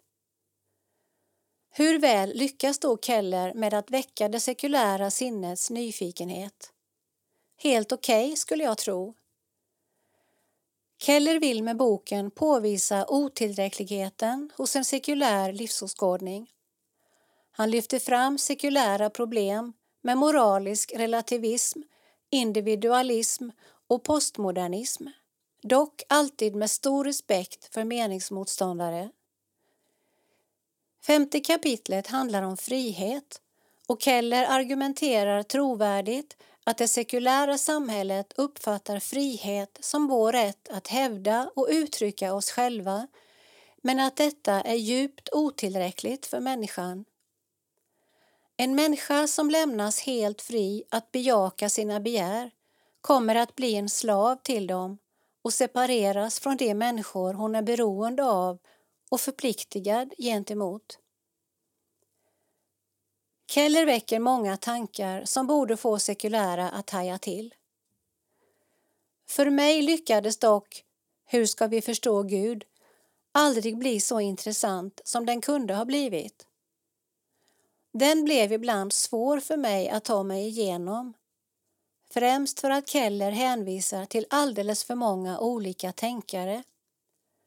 Namn från alla möjliga intellektuella håll flyger förbi ibland utan uppenbar relevans för kristen tro. Keller behandlar också ganska svåra debatter i rasande fart. Exempelvis avhandlas John Rawls teori om okunnighetens slöja och knappt två sidor. Jag tror dock att bokens stora brist är att den handlar mer om gudstro än om Gud. Det finns många ställen där Keller skriver varmt om Jesus och den frälsning som finns i honom. Då är han som bäst och det sista kapitlet handlar uteslutande om den kristna tron. Men jag upplevde ibland att Kellers ambition att lyfta fram gudstron som ett överlägset alternativ till en sekulär tro kunde fastna i dess subjektiva, dess psykologiska eller emotionella fördelar för oss. Framställd på det sättet kommer den kristna tron riskera att förbli ointressant för de icke-troende som redan anser sig leva ett fullgott liv. Min önskan är att Keller hade tonat ned bokens sociologiska och psykologiska fokus och än mer hade använt sin gåva att förkunna glädjebudskapet om Jesus Kristus om syndernas förlåtelse och det eviga livet. Hur ska vi förstå Gud hade då kunnat handla mindre om oss och mer om honom. Adam Frisk Bortom tvivlet AJ Svoboda Libris förlag 2022 Boktips kan man ifrågasätta och dekonstruera sin tro utan att förlora den? Finns det en väg framåt när man tvivlar? A.J. Svoboda har som pastor och universitetslärare ägnat de senaste 20 åren åt att vandra tillsammans med människor på tvivlets vägar. Han menar att tvivel är en naturlig del av vår andliga vandring och att med rätt stöd kan tvivlet stärka tron men allt för ofta lämnas människor ensamma med sina frågor. Svoboda beskriver träffsäkert vårt sekulära västerländska samhälle och hur samhällsutvecklingen påverkar den brottningskamp många människor står i. Detta är en bok med skärpa både i sin beskrivning av samhällsklimat och teologi. Detta är också en bok som vill ge praktiska verktyg och vanor för resan tillsammans med och i riktning mot Jesus. Missa inte att läsa denna viktiga och tankeväckande bok. Helena Karsin Andlig boning åt Gud. Anders Aborelius och Karin Johannesson. Argument förlag 2022 Recension. Då jag läser Andlig boning åt Gud blir det tydligt för mig att vi behöver tala mer om den heliga Anden. Anders Arborelius och Karin Johannesson har ägnat hela sin bok åt att med nyfikenhet tänka och formulera sig kring Anden och det sätt på vilka han möter, verkar i och formar oss. Boken har formen av en andaktsbok för åtta dagars läsning. De första fyra dagarna består av två betraktelser, en av varje författare, som följs av dikt, saltarsalm, bön och övning för egen reflektion. För den läsare som avsätter tid att läsa sakta och reflektera är denna första del riktigt bra och upplevs genomarbetad. Bokens andra halva, de sista fyra dagarna, gjorde mig dock besviken. Här lämnar man helt det första upplägget och låter istället läsaren ta del av fyra korta dialoger mellan författarna. Inga dikter, inga saltarsalmer, inga böner eller reflektionsövningar. Innehållet i dialogerna är det inget fel på. De samtalande är ju erkända teologer som båda har en förmåga att formulera sig på ett inbjudande sätt. Men jag kan inte låta bli att känna att den andra halvan är något av en nödlösning. Helhetsintrycket hade för mig blivit betydligt bättre om man alla åtta dagar följde samma upplägg som de första fyra. Med det sagt uppskattar jag att de har valt att skriva om just anden och de gör detta på ett sätt som hjälper läsaren till fördjupning. Oliver Vardian Lär oss att lyssna. En enkel guide för vanliga människor att höra Guds röst. Pete Gregg, Livets Ords förlag 2022. Recension med Emmausvandringen som ram för sin framställning vill Gregg lära oss att höra Guds röst på olika sätt. Boken innehåller två huvudavdelningar. Den första behandlar bibelläsning ur olika aspekter, parentes, Guds yttre röst, slut parentes. Vi uppmanas att läsa eftertänksamt och bedjande. Vi bör stanna upp och meditera över de slutsatser som följer av det lästa och undvika att stressa oss fram i texterna. Till Guds yttre röst räknas profetiskt tal. Den andra huvudavdelningen berör frågan om hur vi kan höra Guds röst inom oss. Här syftar Greg på vårt samvete, men han inkluderar även drömmar och intryck från kulturen och skapelsen i stort. Boken behandlar sitt ämne ur en mängd aspekter och är fylld med kyrkohistoriska referenser där sammanhangen ofta saknas. Ett genomgående drag är dock Greigs uppskattning av Ignatius av Loyola och jesuiterna. Som exempel på dessa förebilders kreativitet nämns att de gav namn åt 35 kratrar på månen och uppfann falluckan. Visst finns det intressanta och uppbyggliga sanningar som förmedlas men boken är överlastad och ger ett något splittrat intryck. Boken hade vunnit på att redigeras hårdare och krympas till omfånget. Greig återkommer till att bibelläsningen främst ska ägnas åt evangelierna men den uppenbarelse som Bibeln ger blir då ofullständig. Parentes, Johannes 16, vers 12 och framåt. Slut parentes. Framställningen är vidare något närsynt och frågan om helgelsens plats behandlas inte. Att höra Guds röst är svårt för den som lever i medveten synd. Boken tar dock upp ett viktigt ämne som vi alla behöver öva oss i. Anders Rönnblom Musiktips From me to you Rebecca Avanen Adora Records 2022 Rebecka Avanen växte upp som missionärsbarn i Zanzibar men bor sedan 2013 på Åland tillsammans med sin man Johanni. Några afrikanska influenser är däremot inte vad som lyser igenom i debut-EPn From Me To You.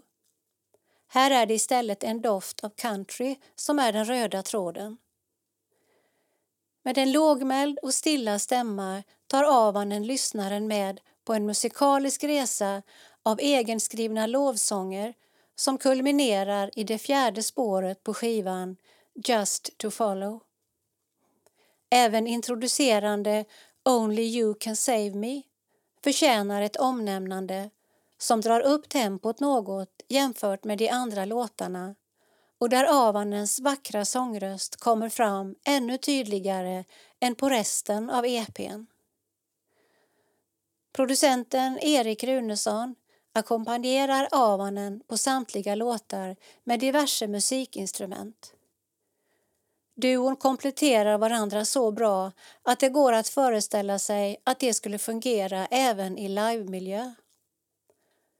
Den som vill uppleva det får faktiskt chansen i november när Avanen gästar eventet Sisterhood hos Life Church i Västerås. Jakob Romeborn. Sidan 44. Kultur, psalm. Svenska psalmboken, psalm 782. Godhet har all makt över ondskan. Godhet har makt över ondskan. Kärlek nedkämpar hat. Ljuset upplyser mörkret. Livet segrar till slut. Segen är vår. Segen vi får genom hans kärlek. Segen är vår. Segen vi får genom hans kärlek.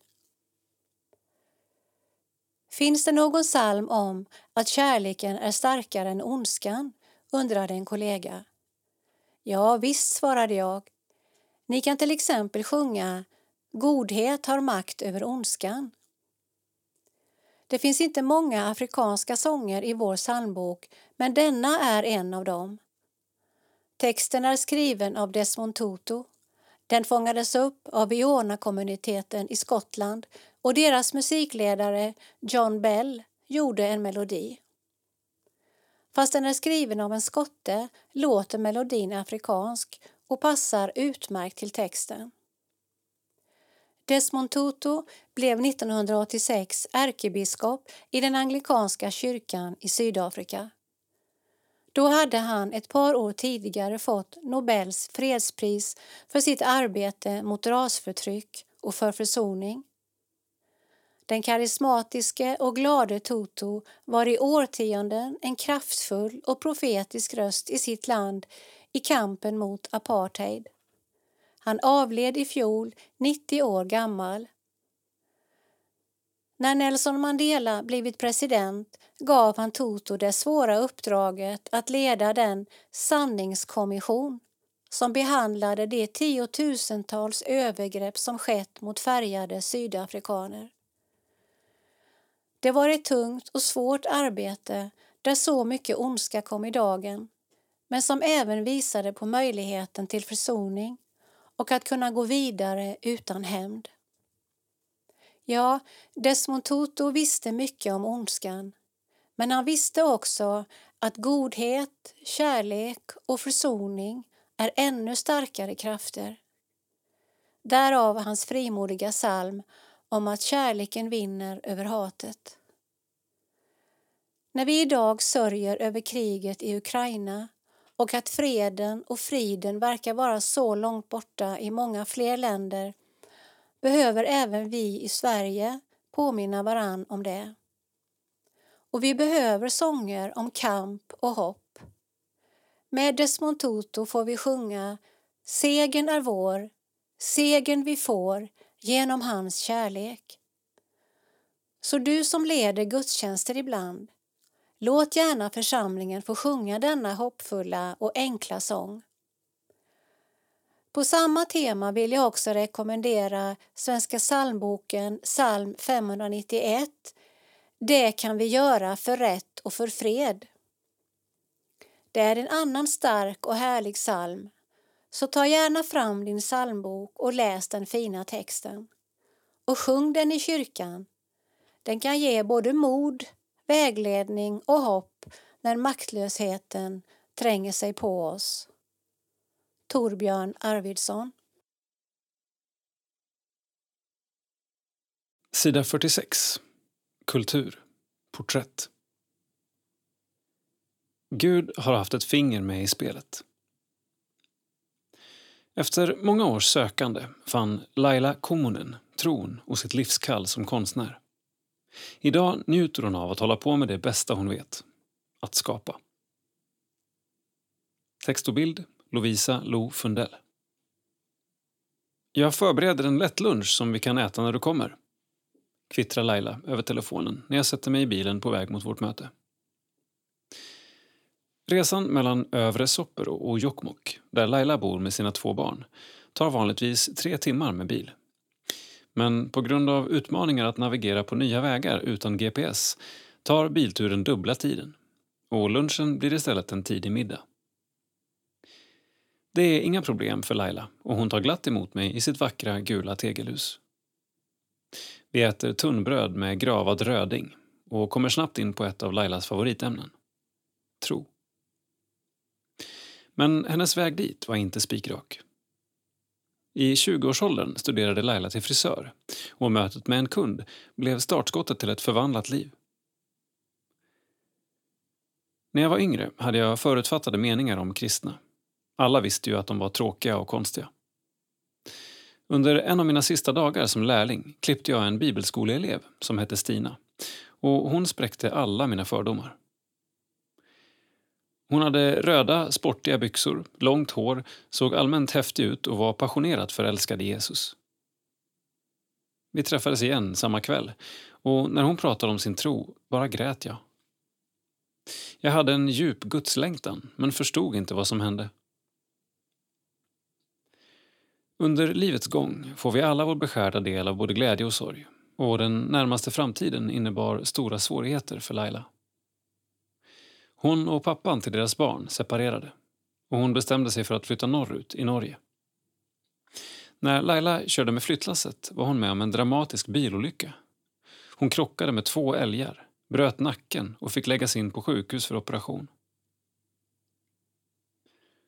Två månader efter bilolyckan ringde Stina och undrade om jag ville komma till hennes bönegrupp. Så jag ordnade barnvakt och åkte dit med skena runt nacken. Under stunden av lovsång hoppade jag över när de sjöng Jesu namn. Jag tyckte att han hade tagit monopol på begreppet Gud och det gillade jag inte. Det är verkligen kraft i Jesu namn. Antingen är han en stötesten för de som inte tror eller en hörnsten för oss som tror. Samma söndag åkte jag till kyrkan med Stina och där talade pastorn rakt in i mitt liv och sa Gud älskar dig. Jag tog emot Jesus där och då. Efter maten beger vi oss ut på upptäcktsfärd i Lailas hemstad. Jokkmokk ligger vid en krök av Lilla Luleälven och ortens namn betyder just Åkröken på lulesamiska. Området är känt för sin stora vintermarknad och är hemvist för både lulesamer och karesuando-samer varav den senare gruppen tvångsförflyttades från Karesuando till Jokkmokk under 1900-talets första hälft. Tvångsförflyttningen har inneburit mycket skav mellan de två grupperna långt tillbaka i tiden. Men idag uppstår inga större svårigheter grupperna emellan. Lailas farföräldrar var en av familjerna som blev tvungna att flytta med sin renjord på 30-talet och sedan dess har släkten bott här. Min bror fick höra en del glåpord när han hade på sig en traditionell mössa till vardags. Men mamma svarade pedagogiskt att de andra barnen bara var avundsjuka på honom. Här i stan finns det en grundskola för samer och jag tycker det är bra att den finns. Där har personalen en större förståelse för att familjerna exempelvis behöver åka iväg för att driva sina renar under längre perioder mitt under skolåret och en planering runt det. Laila känner nästan alla som vi träffar när vi är ute i Jokkmokk.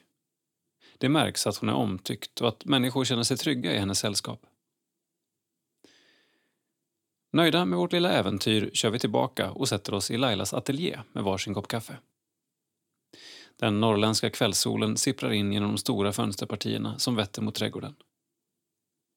Idag arbetar Laila med att skapa traditionellt samiskt hantverk kombinerat med konsthantverk som tar utgångspunkt från doji och har dessförinnan testat på en mängd olika yrken. Jag visste inte vad jag ville göra, men bad till Gud om ledning. Av en händelse såg jag sångerskan Pinks musikvideo Don't Leave Me där de använder dockor med tyll som rekvisita. Hela videon är smått psykotisk, men det var något med kreationen av tyll som tilltalade mig. Gud fortsatte att ge mig olika pusselbitar och det ledde så småningom till att jag fick upp ögonen för Doji som kunde leda till massa kreativa projekt. Och där klickade det. Laila började utbilda sig och tog sin masterexamen i Doji på Samiska högskolan för tre år sedan. Tanken om hennes examensarbete kom till henne under en bönestund i kyrkan där hon framför sig plötsligt såg en traditionell samisk kolt gjord av två olika doji-traditioner. Den lulesamiska kolten och karesuando-kolten. De två traditionerna flätades samman som ett R och flätan slutade i ett långt släp bak på själva kolten. Samma år uppmärksammades att det var hundra år sedan tvångsförflyttningen av Karesuando-samerna påbörjades till Jokkmokk, vilket Laila inte visste om när projektet påbörjades. Jag tror att Gud hade ett finger med i spelet. Jag ber om ledning inför varje projekt och under hela studietiden fick jag idéer för allt jag gjorde. Jag har testat att köra på utan att involvera Gud, men det blir bara tufft och tråkigt och så orkar jag inte arbeta. Till hösten ska Laila och en vän till henne lansera ett flerårigt projekt med att sy samiska barnkoltar för att hyra ut till olika högtider. Även detta projekt började med att hon upplevde att Gud talade till henne i kyrkan under en bönestund med budskapet Sy och hyr ut. Min initiala reaktion var nej, det vill jag inte. Men Gud var envis och jag upplevde att jag skulle få hjälp att göra det. För två somrar sedan så for jag ut för att samla renar till märkning och hamnade i samma dalgång som min vän Anna-Kajsa. Hon fullkomligt sprutade idéer varav en var att hyra ut koltar.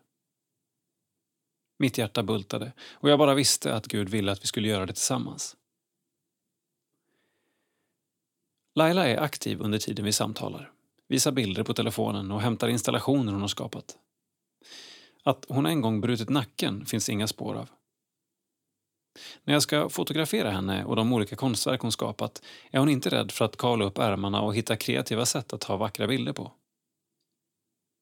Att hon är konstnär märks ut i fingerspetsarna. Och när hon får en idé ser hon till att den blir slutförd. Låt oss åka upp till utsiktsplatsen Storknabben så vi får lite fina bilder med utsikt över Jokkmokk, säger Laila. Sagt och gjort sätter vi oss återigen i bilen och Laila kör som om hon aldrig gjort något annat uppför den branta och krokiga skogsvägen som slingrar sig längs med Talvattisberget där jag själv aldrig skulle våga köra. Vi går den sista biten till utkikplatsen och tittar ut över staden. Efter några timmar tillsammans vinkar jag slutligen hej då och kör tillbaka till Övre Soppero med den mjuka midnattssolen som sällskap i natten. Laila Susanna Komonen. Ålder 44 år Familj Två vuxna barn, 19 och 20 år gamla. Bor Jokkmokk. Sysselsättning konstnär. Favoritbibelvers Jesaja 29 och 11. Doji Doji är samisk slöjd, eller sameslöjd, och är en viktig del av den samiska kulturen. Doji utgår från samiska traditioner, samiskt formtänkande, samiska mönster och färger och man använder ofta naturmaterial såsom trä, horn, skinn, textil och rötter. Sida 55. Info. Kalendarium, information, kungörelser, sociala medier och mycket mer som rör EFS och SALT. Har du frågor? Kontakta oss på budis efs.nu. E på gång. 24 september, online. CBG 25 oktober, online, internationell kväll. 21 till 23 oktober, Skellefteå. Nära Jesus, inspirationshelg. 4 till 6 november, Hjälmared, ungdomsläger. 18 till 20 november, Uppsala. Livsväg, EFS årliga mötesplats för unga vuxna. Citat. Tjänandets gåva. Gåvan att frikostigt dela med sig. Sången och musiken. Trösten och förmaningen. Vem vet hur våra gåvor kommer påverka andra? Den största gåva världen fått är Kristus. Slutcitat. Utdrag ur Kerstin Oderhems krönika för Kyrkans Tidning 17 augusti.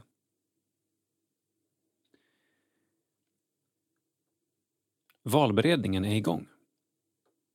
Valberedningen efterlyser förslag på kandidater till riksstyrelsen. Alla medlemmar har rätt att föreslå personer.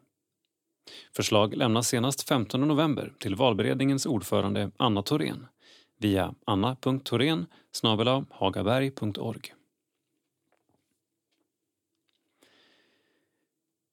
Kallelse till EFS årsmöte 2023. Härmed kallas till årsmöte 15-19 maj 2023.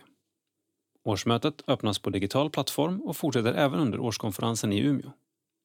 EFS och SALTs årskonferens kommer att vara i Umeå 19-21 maj.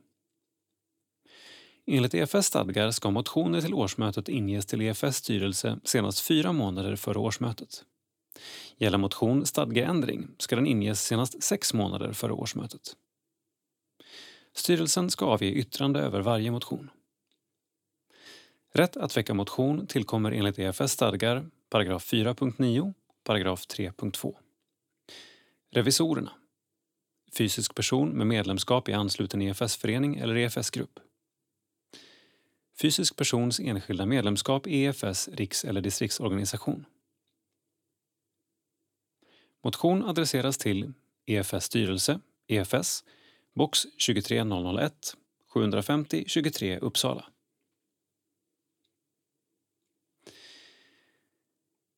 Unik inblick i EFS arbete. Temat för årets CBG är Leva mission. Allt bär den, allt tror den, allt hoppas den. Så skriver Paulus om kärleken i Första Korintierbrevet 13. En kärlek som är grunden för hela vårt missionsengagemang. Under kvällens gång reser vi till Indien och träffar ögonläkaren Daisy som ger människor synen och livet tillbaka.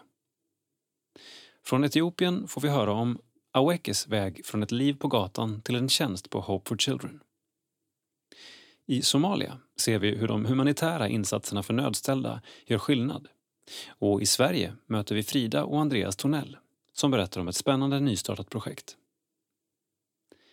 Erik Johansson och Sofia Svensson är värdar för sändningen. Programmet sänds på efsplay.nu lördagen den 24 september klockan 19. Om ni behöver ladda ner programmet i förväg, kontakta cbg efs.nu.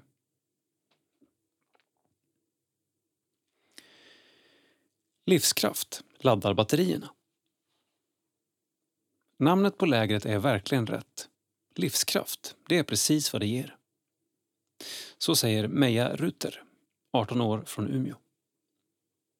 Men inte nog med att lägret fungerar som en laddningsstation. Meja beskriver också hur det påminner om vad och vem allt handlar om. En reality check kallar hon det.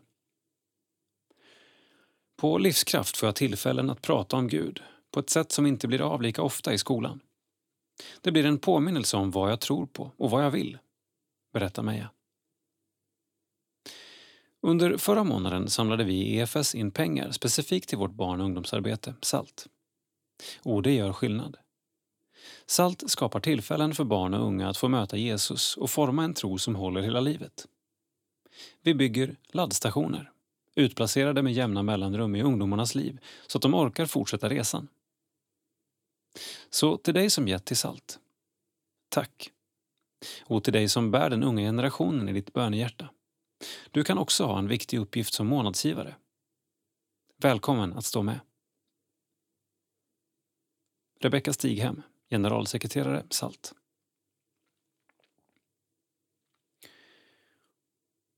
Gåvoresultat augusti. EFS. Insamlat 1,5 miljoner kronor. Budget 1,6 miljoner kronor. Det preliminära insamlingsresultatet för augusti är 1,5 miljoner kronor, vilket är cirka 100 000 kronor mindre än budgeterat. Årets insamling uppgår i skrivande stund till 18,1 miljoner kronor. Insamlat 18,1 miljoner kronor. Mål 2022 31,8 miljoner kronor. Salt. Insamlat 389 013 kronor. Mål 2022 1 miljon kronor. Vi på SALT är så tacksamma för din gåva. Det är du som gör att vi kan ha en barn och ungdomsorganisation. Att vi kan skapa resurser och stötta lokalföreningar. Ha demokratiska forum där barn och ungas röster blir hörda. Skapa tillfällen att möta Gud och stöttning till alla underbara ledare. Så tack. Din gåva betyder mer än du själv förstår. Hyvingshörna. Till vem ska vi ge? Det kryllar av organisationer som vill få del av våra gåvor. Många av dem gör bra saker, så det är inte lätt att prioritera. Så här tänker jag. Föreningen som jag tillhör får mitt tionde månadsvis. Det delar jag inte på. Min förening stöder sedan andra organisationer. Vi bestämmer tillsammans vilka. Jag säger med gott samvete nej till alla andra. Visst gör många av dem gott, men de är ändå ett steg mindre viktiga än min lokala förening. Det är principen, och såklart gör jag avsteg från den. Men då blir det tillfälliga gåvor som inte tar från det regelbundna givandet. Hur gör du? Låt inte det goda konkurrera ut det bästa. Om du är med och ser till att det finns resurser i ditt sammanhang så har vi en chans att göra något stort tillsammans. Bra va? Roland Hyving, ekonomichef EFS. Sida 58. Barn i alla länder. Från slav till evangelist. Aster Gannu var 14 år när hon räddades. Sedan gav hon sitt liv åt att tjäna Gud. Skeppet var på väg till Arabiska halvön. Där skulle de ofrivilliga passagerarna, människor som tagits till fånga som slavar, säljas. Ombord fanns den 14-åriga flickan Ganno från Oromia i Etiopien. Plötsligt närmar sig ett fartyg på det korallblå havet. Slavskeppet stoppas av den italienska flottan. Gano och de andra befrias och tas i land i Massawa. Där bor Emelie Lundahl. Hennes man, missionären Bengt, hade nyligen dött hastigt. Då var det juletid. Nu var sommaren här och Emelie spenderade tid hemma i Sverige. Snart skulle hon tillbaka till barnen som hon och Bengt tagit hand om. Barn som befriats från slaveri. Men hon hade en underlig känsla i kroppen. Hon skulle nämligen flytta och ta över arbetet på flickskolan i Monkullo. Det var dit Ganno och de andra flickorna kom den där dagen 1886 då de befriats. På missionsstationen i Monkullo fick Ganno höra om Jesus som gett sitt liv för alla människor och är barnens vän. Ganno bar sedan på en hemlighet. Hon ville döpa sig. Trots att hon höll det för sig själv kände ändå kompisarna på sig att Ganno nog aldrig skulle gifta sig utan ge sitt liv helt åt Gud. Inte långt efter att en kristen flicka, Ayana, dött och begravts gick Ganno och fem andra flickor från Oromia till Emily och sa att de ville döpas. Ganno fick då ett nytt namn i dopet. Aster. Det betyder stjärna. En jul Redan innan hon döptes hade någon lämnat en bibel i hennes rum. På en lapp stod det Julklapp till Ganno. Det var hennes lärare, Onesimus, som ville överraska. Ganno hade glatt honom så med sina svar på frågor under hans lektioner, så nu ville han göra henne glad. Onesimus var också från Oromofolket och hade varit slav. Han blev kristen hos de svenska missionärerna och längtade efter att återvända till Oromia och dela evangeliet med sitt folk. De skulle få läsa Bibeln på sitt hjärtas språk. Det var då som Aster kom in i bilden. Hon var smart och hade en särskild gåva att skriva. Onesimus såg hennes talang och gav henne i uppdrag att skriva en Oromo-ordbok som de använde för att översätta Nya testamentet. Hela bibeln hade de översatt till oromiffa år 1899. Nu var de redo att flytta tillbaka till Oromia och dela evangeliet. Men Oromia-området var stängt. Först fem år senare kom de och flera kristna vänner äntligen in till Wolega. De startade skolor som blev bland de första i hela Etiopien. Aster öppnade flickskolor i Nakamte med hjälp av svenska missionärer. Det blev som kompisarna trodde. Aster gifte sig aldrig. Hon ägnade hela sitt liv åt att flickor skulle få utbildning och att evangelisera bland oromofolket.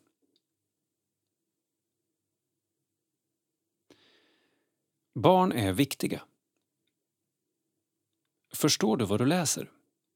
frågade Filippos den etiopiske hovmannen i Apostlagärningarna.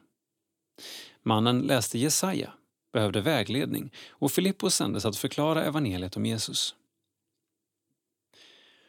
Med insamlingen till Bial skapar vi möjligheter för barn att höra om Jesus och läsa Bibeln på sitt hjärtaspråk.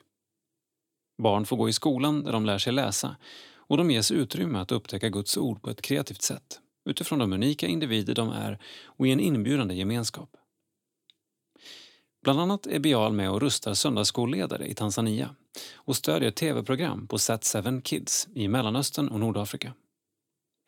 I den regionen är knappt en procent kristna och programledarna är livsviktiga vägledare och vänner för barnen. På bial.efs.nu kan du upptäcka mer av Bials arbete. Sofia Svensson, inspiratör för Bial och EFS internationella mission. Insamlingsresultat Insamlat 1 106 943 kronor. Sida 60. Region Västsverige. Bibelskolorna är äntligen igång. Skolornas önskan är att vara till välsignelse för hela Region Väst. Text Rebecka Fredriksson. Bild Marie Gerdin. Nu har Bibelseminariet startat med ett femtontal elever med olika bakgrund och åldrar inne i centrala Göteborg. Detta i sig är ju mycket glädjande. Men Bibelseminarium Göteborg är så mycket mer än en bibellinje. Genom att vi en dag varje vecka samt tre hela temaveckor per termin erbjuder helt öppna samlingar blir det en möjlighet för alla i regionen att kunna få del av tillfällen till fördjupning och andlig förnyelse. Lärare som Per Eive Berntsson, Stefan Börjesson och Sofia Svensson tar i Bibelskolan upp ämnen som rör vid allt från kyrkohistoria och nådegåvor till vardagsmission, bön och andlig förnyelse. Bibelseminarium Göteborg är ett samarrangemang mellan EFS i Västsverige, Evangeliska Brödraförsamlingen i Göteborg och Hjälmareds folkhögskola och stöttas dessutom från alla EFS-sammanhangen i och runt Göteborg. Även Bibelskolan Kropp och själ på Hjälmareds folkhögskola är i full gång. 12 elever från när och fjärran i åldrarna 19 till 71 år ser fram emot att få fördjupning, gemenskap och verktyg för livet. Eller som någon uttryckte det, hitta mitt bästa jag i Jesus under det kommande läsåret. Vi tackar Gud för våra båda bibelskolor och ber att de ska vara till välsignelse för varje enskild deltagare och lärare, men även för vår region i stort. Gå in på bibelsem.se för att ta reda på mer om bibelseminariet.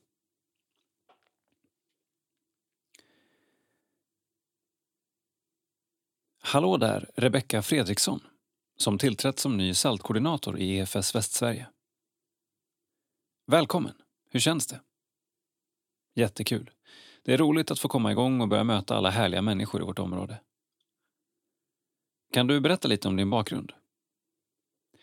Jag är från Partille och kom till tro i Furulundskyrkan för tio år sedan. Sedan dess har jag varit involverad i ungdomsverksamheten i församlingen och de senaste fyra åren även studerat teologi. Vad hoppas du på i din nya tjänst? Att få stötta och utrusta ledare i regionen. Jag ser också fram emot att få se Gud göra storverk mitt i det som vi gör tillsammans. Sommaren på Sandvikengården. På Sandvikengården har sommarkommuniteten i vanlig ordning bedrivit konfirmationsläger. Därtill har även två ledarutbildningar samt en missionsvecka där deltagarna kan bjuda in en nyfiken vän på en gratisvecka med undervisning i kristen tro arrangerats. Många har deltagit i tidebönerna under sommaren och övrig verksamhet på gården har bland annat bestått i att anlägga en ny volleybollplan, bedriva vandrarhem och restaurang. På gång. 1 september, Hältorp. Scouternas kämpalek. 2 september, Hjälmared. Regionens barnledarråd. 22 september, Göteborg. Salts peppardag, Lutherska Missionskyrkan. 28 oktober till 3 november, Irland. Resa till Irland, i St. Patricks fotspår, för EFS i väst medarbetare och andra intresserade. 4-6 november, Hjälmared. Ungdomsläger på Hjälmareds folkhögskola. 3-6 november, Brunskog. Allhelgonaläger på Sandvikengården. 10-13 november, Ed. Kurs i helande förbön på Lutagård. Sida 62. Nytt i livet. Till minne.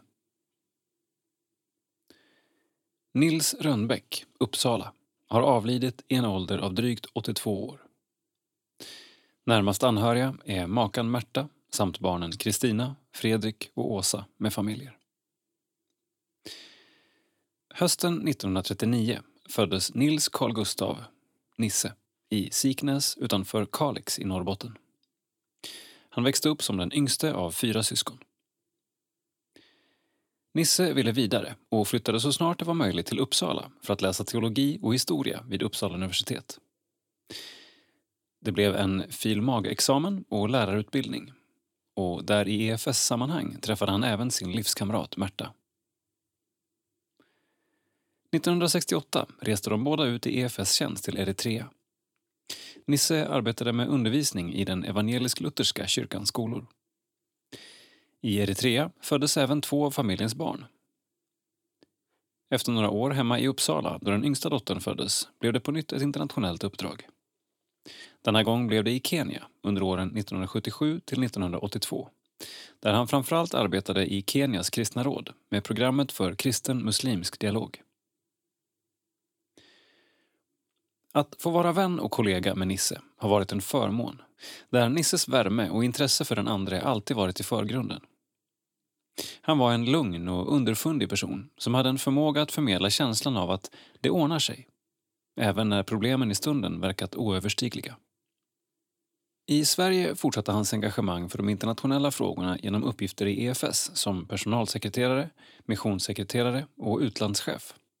Sedan i Svenska kyrkan som direktor för EFS utlandsarbete och sista åren som ekumenisk handläggare.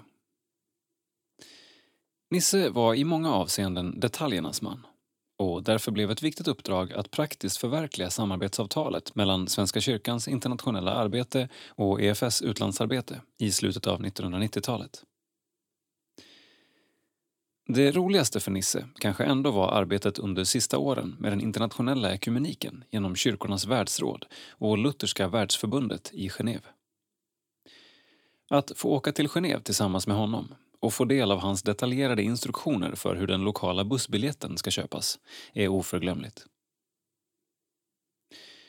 På hemmaplan återfanns Nisse under många år bland annat i Lötenkören samt i kyrkoråden i Gamla Uppsala och sedan i domkyrkoförsamlingen. Sista åren av sjukdom blev en svår prövning såväl för Nisse som för hans älskade Märta och för barnen med familjer. Vi lyser frid över Nisse en person vi haft lyckan att få vara nära en stund på jorden. Och som vi nu får lämna tillbaka till sitt ursprung igen. Till ljuset och till Gud själv. Stig Lundberg, Uppsala.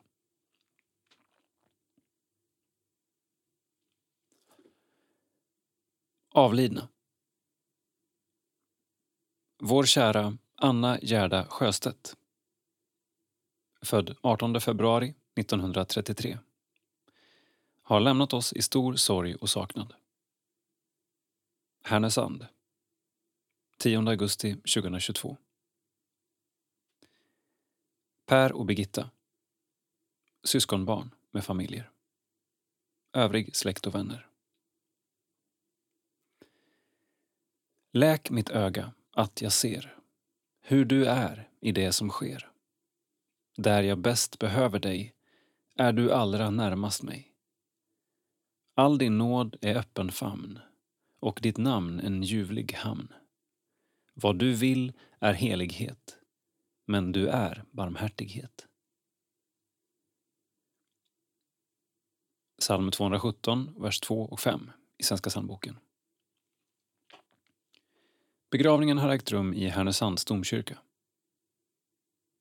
Tänd ett ljus och lämna gärna en gåva till ACT Svenska kyrkan. EFS mission på hernobegravningsbyrå.se.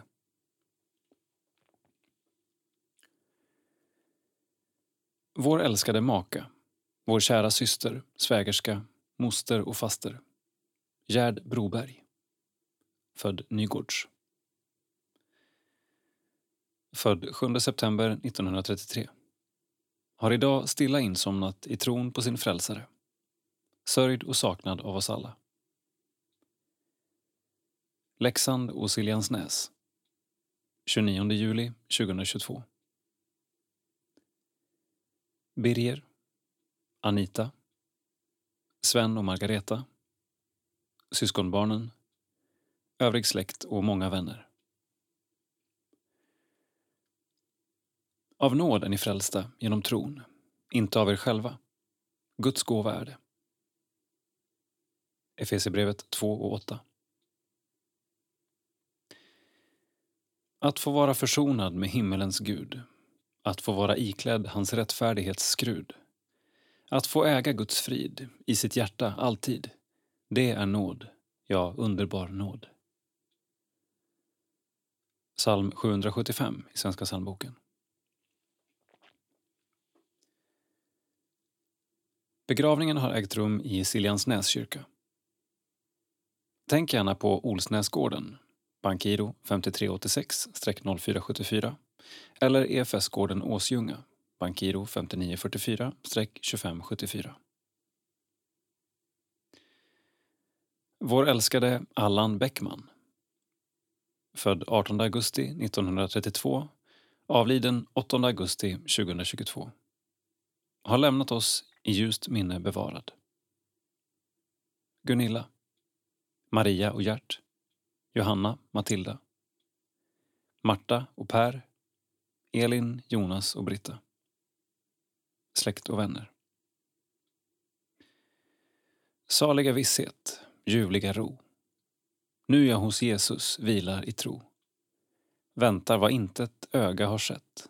Väntar vad Herren själv har berett. Psalm 259, vers 3 i Svenska psalmboken. Begravningen har ägt rum i Nyåkers kyrka. Tänk gärna på EFS internationella mission. Bankiro 900-9903 eller swish 123 60 25 662.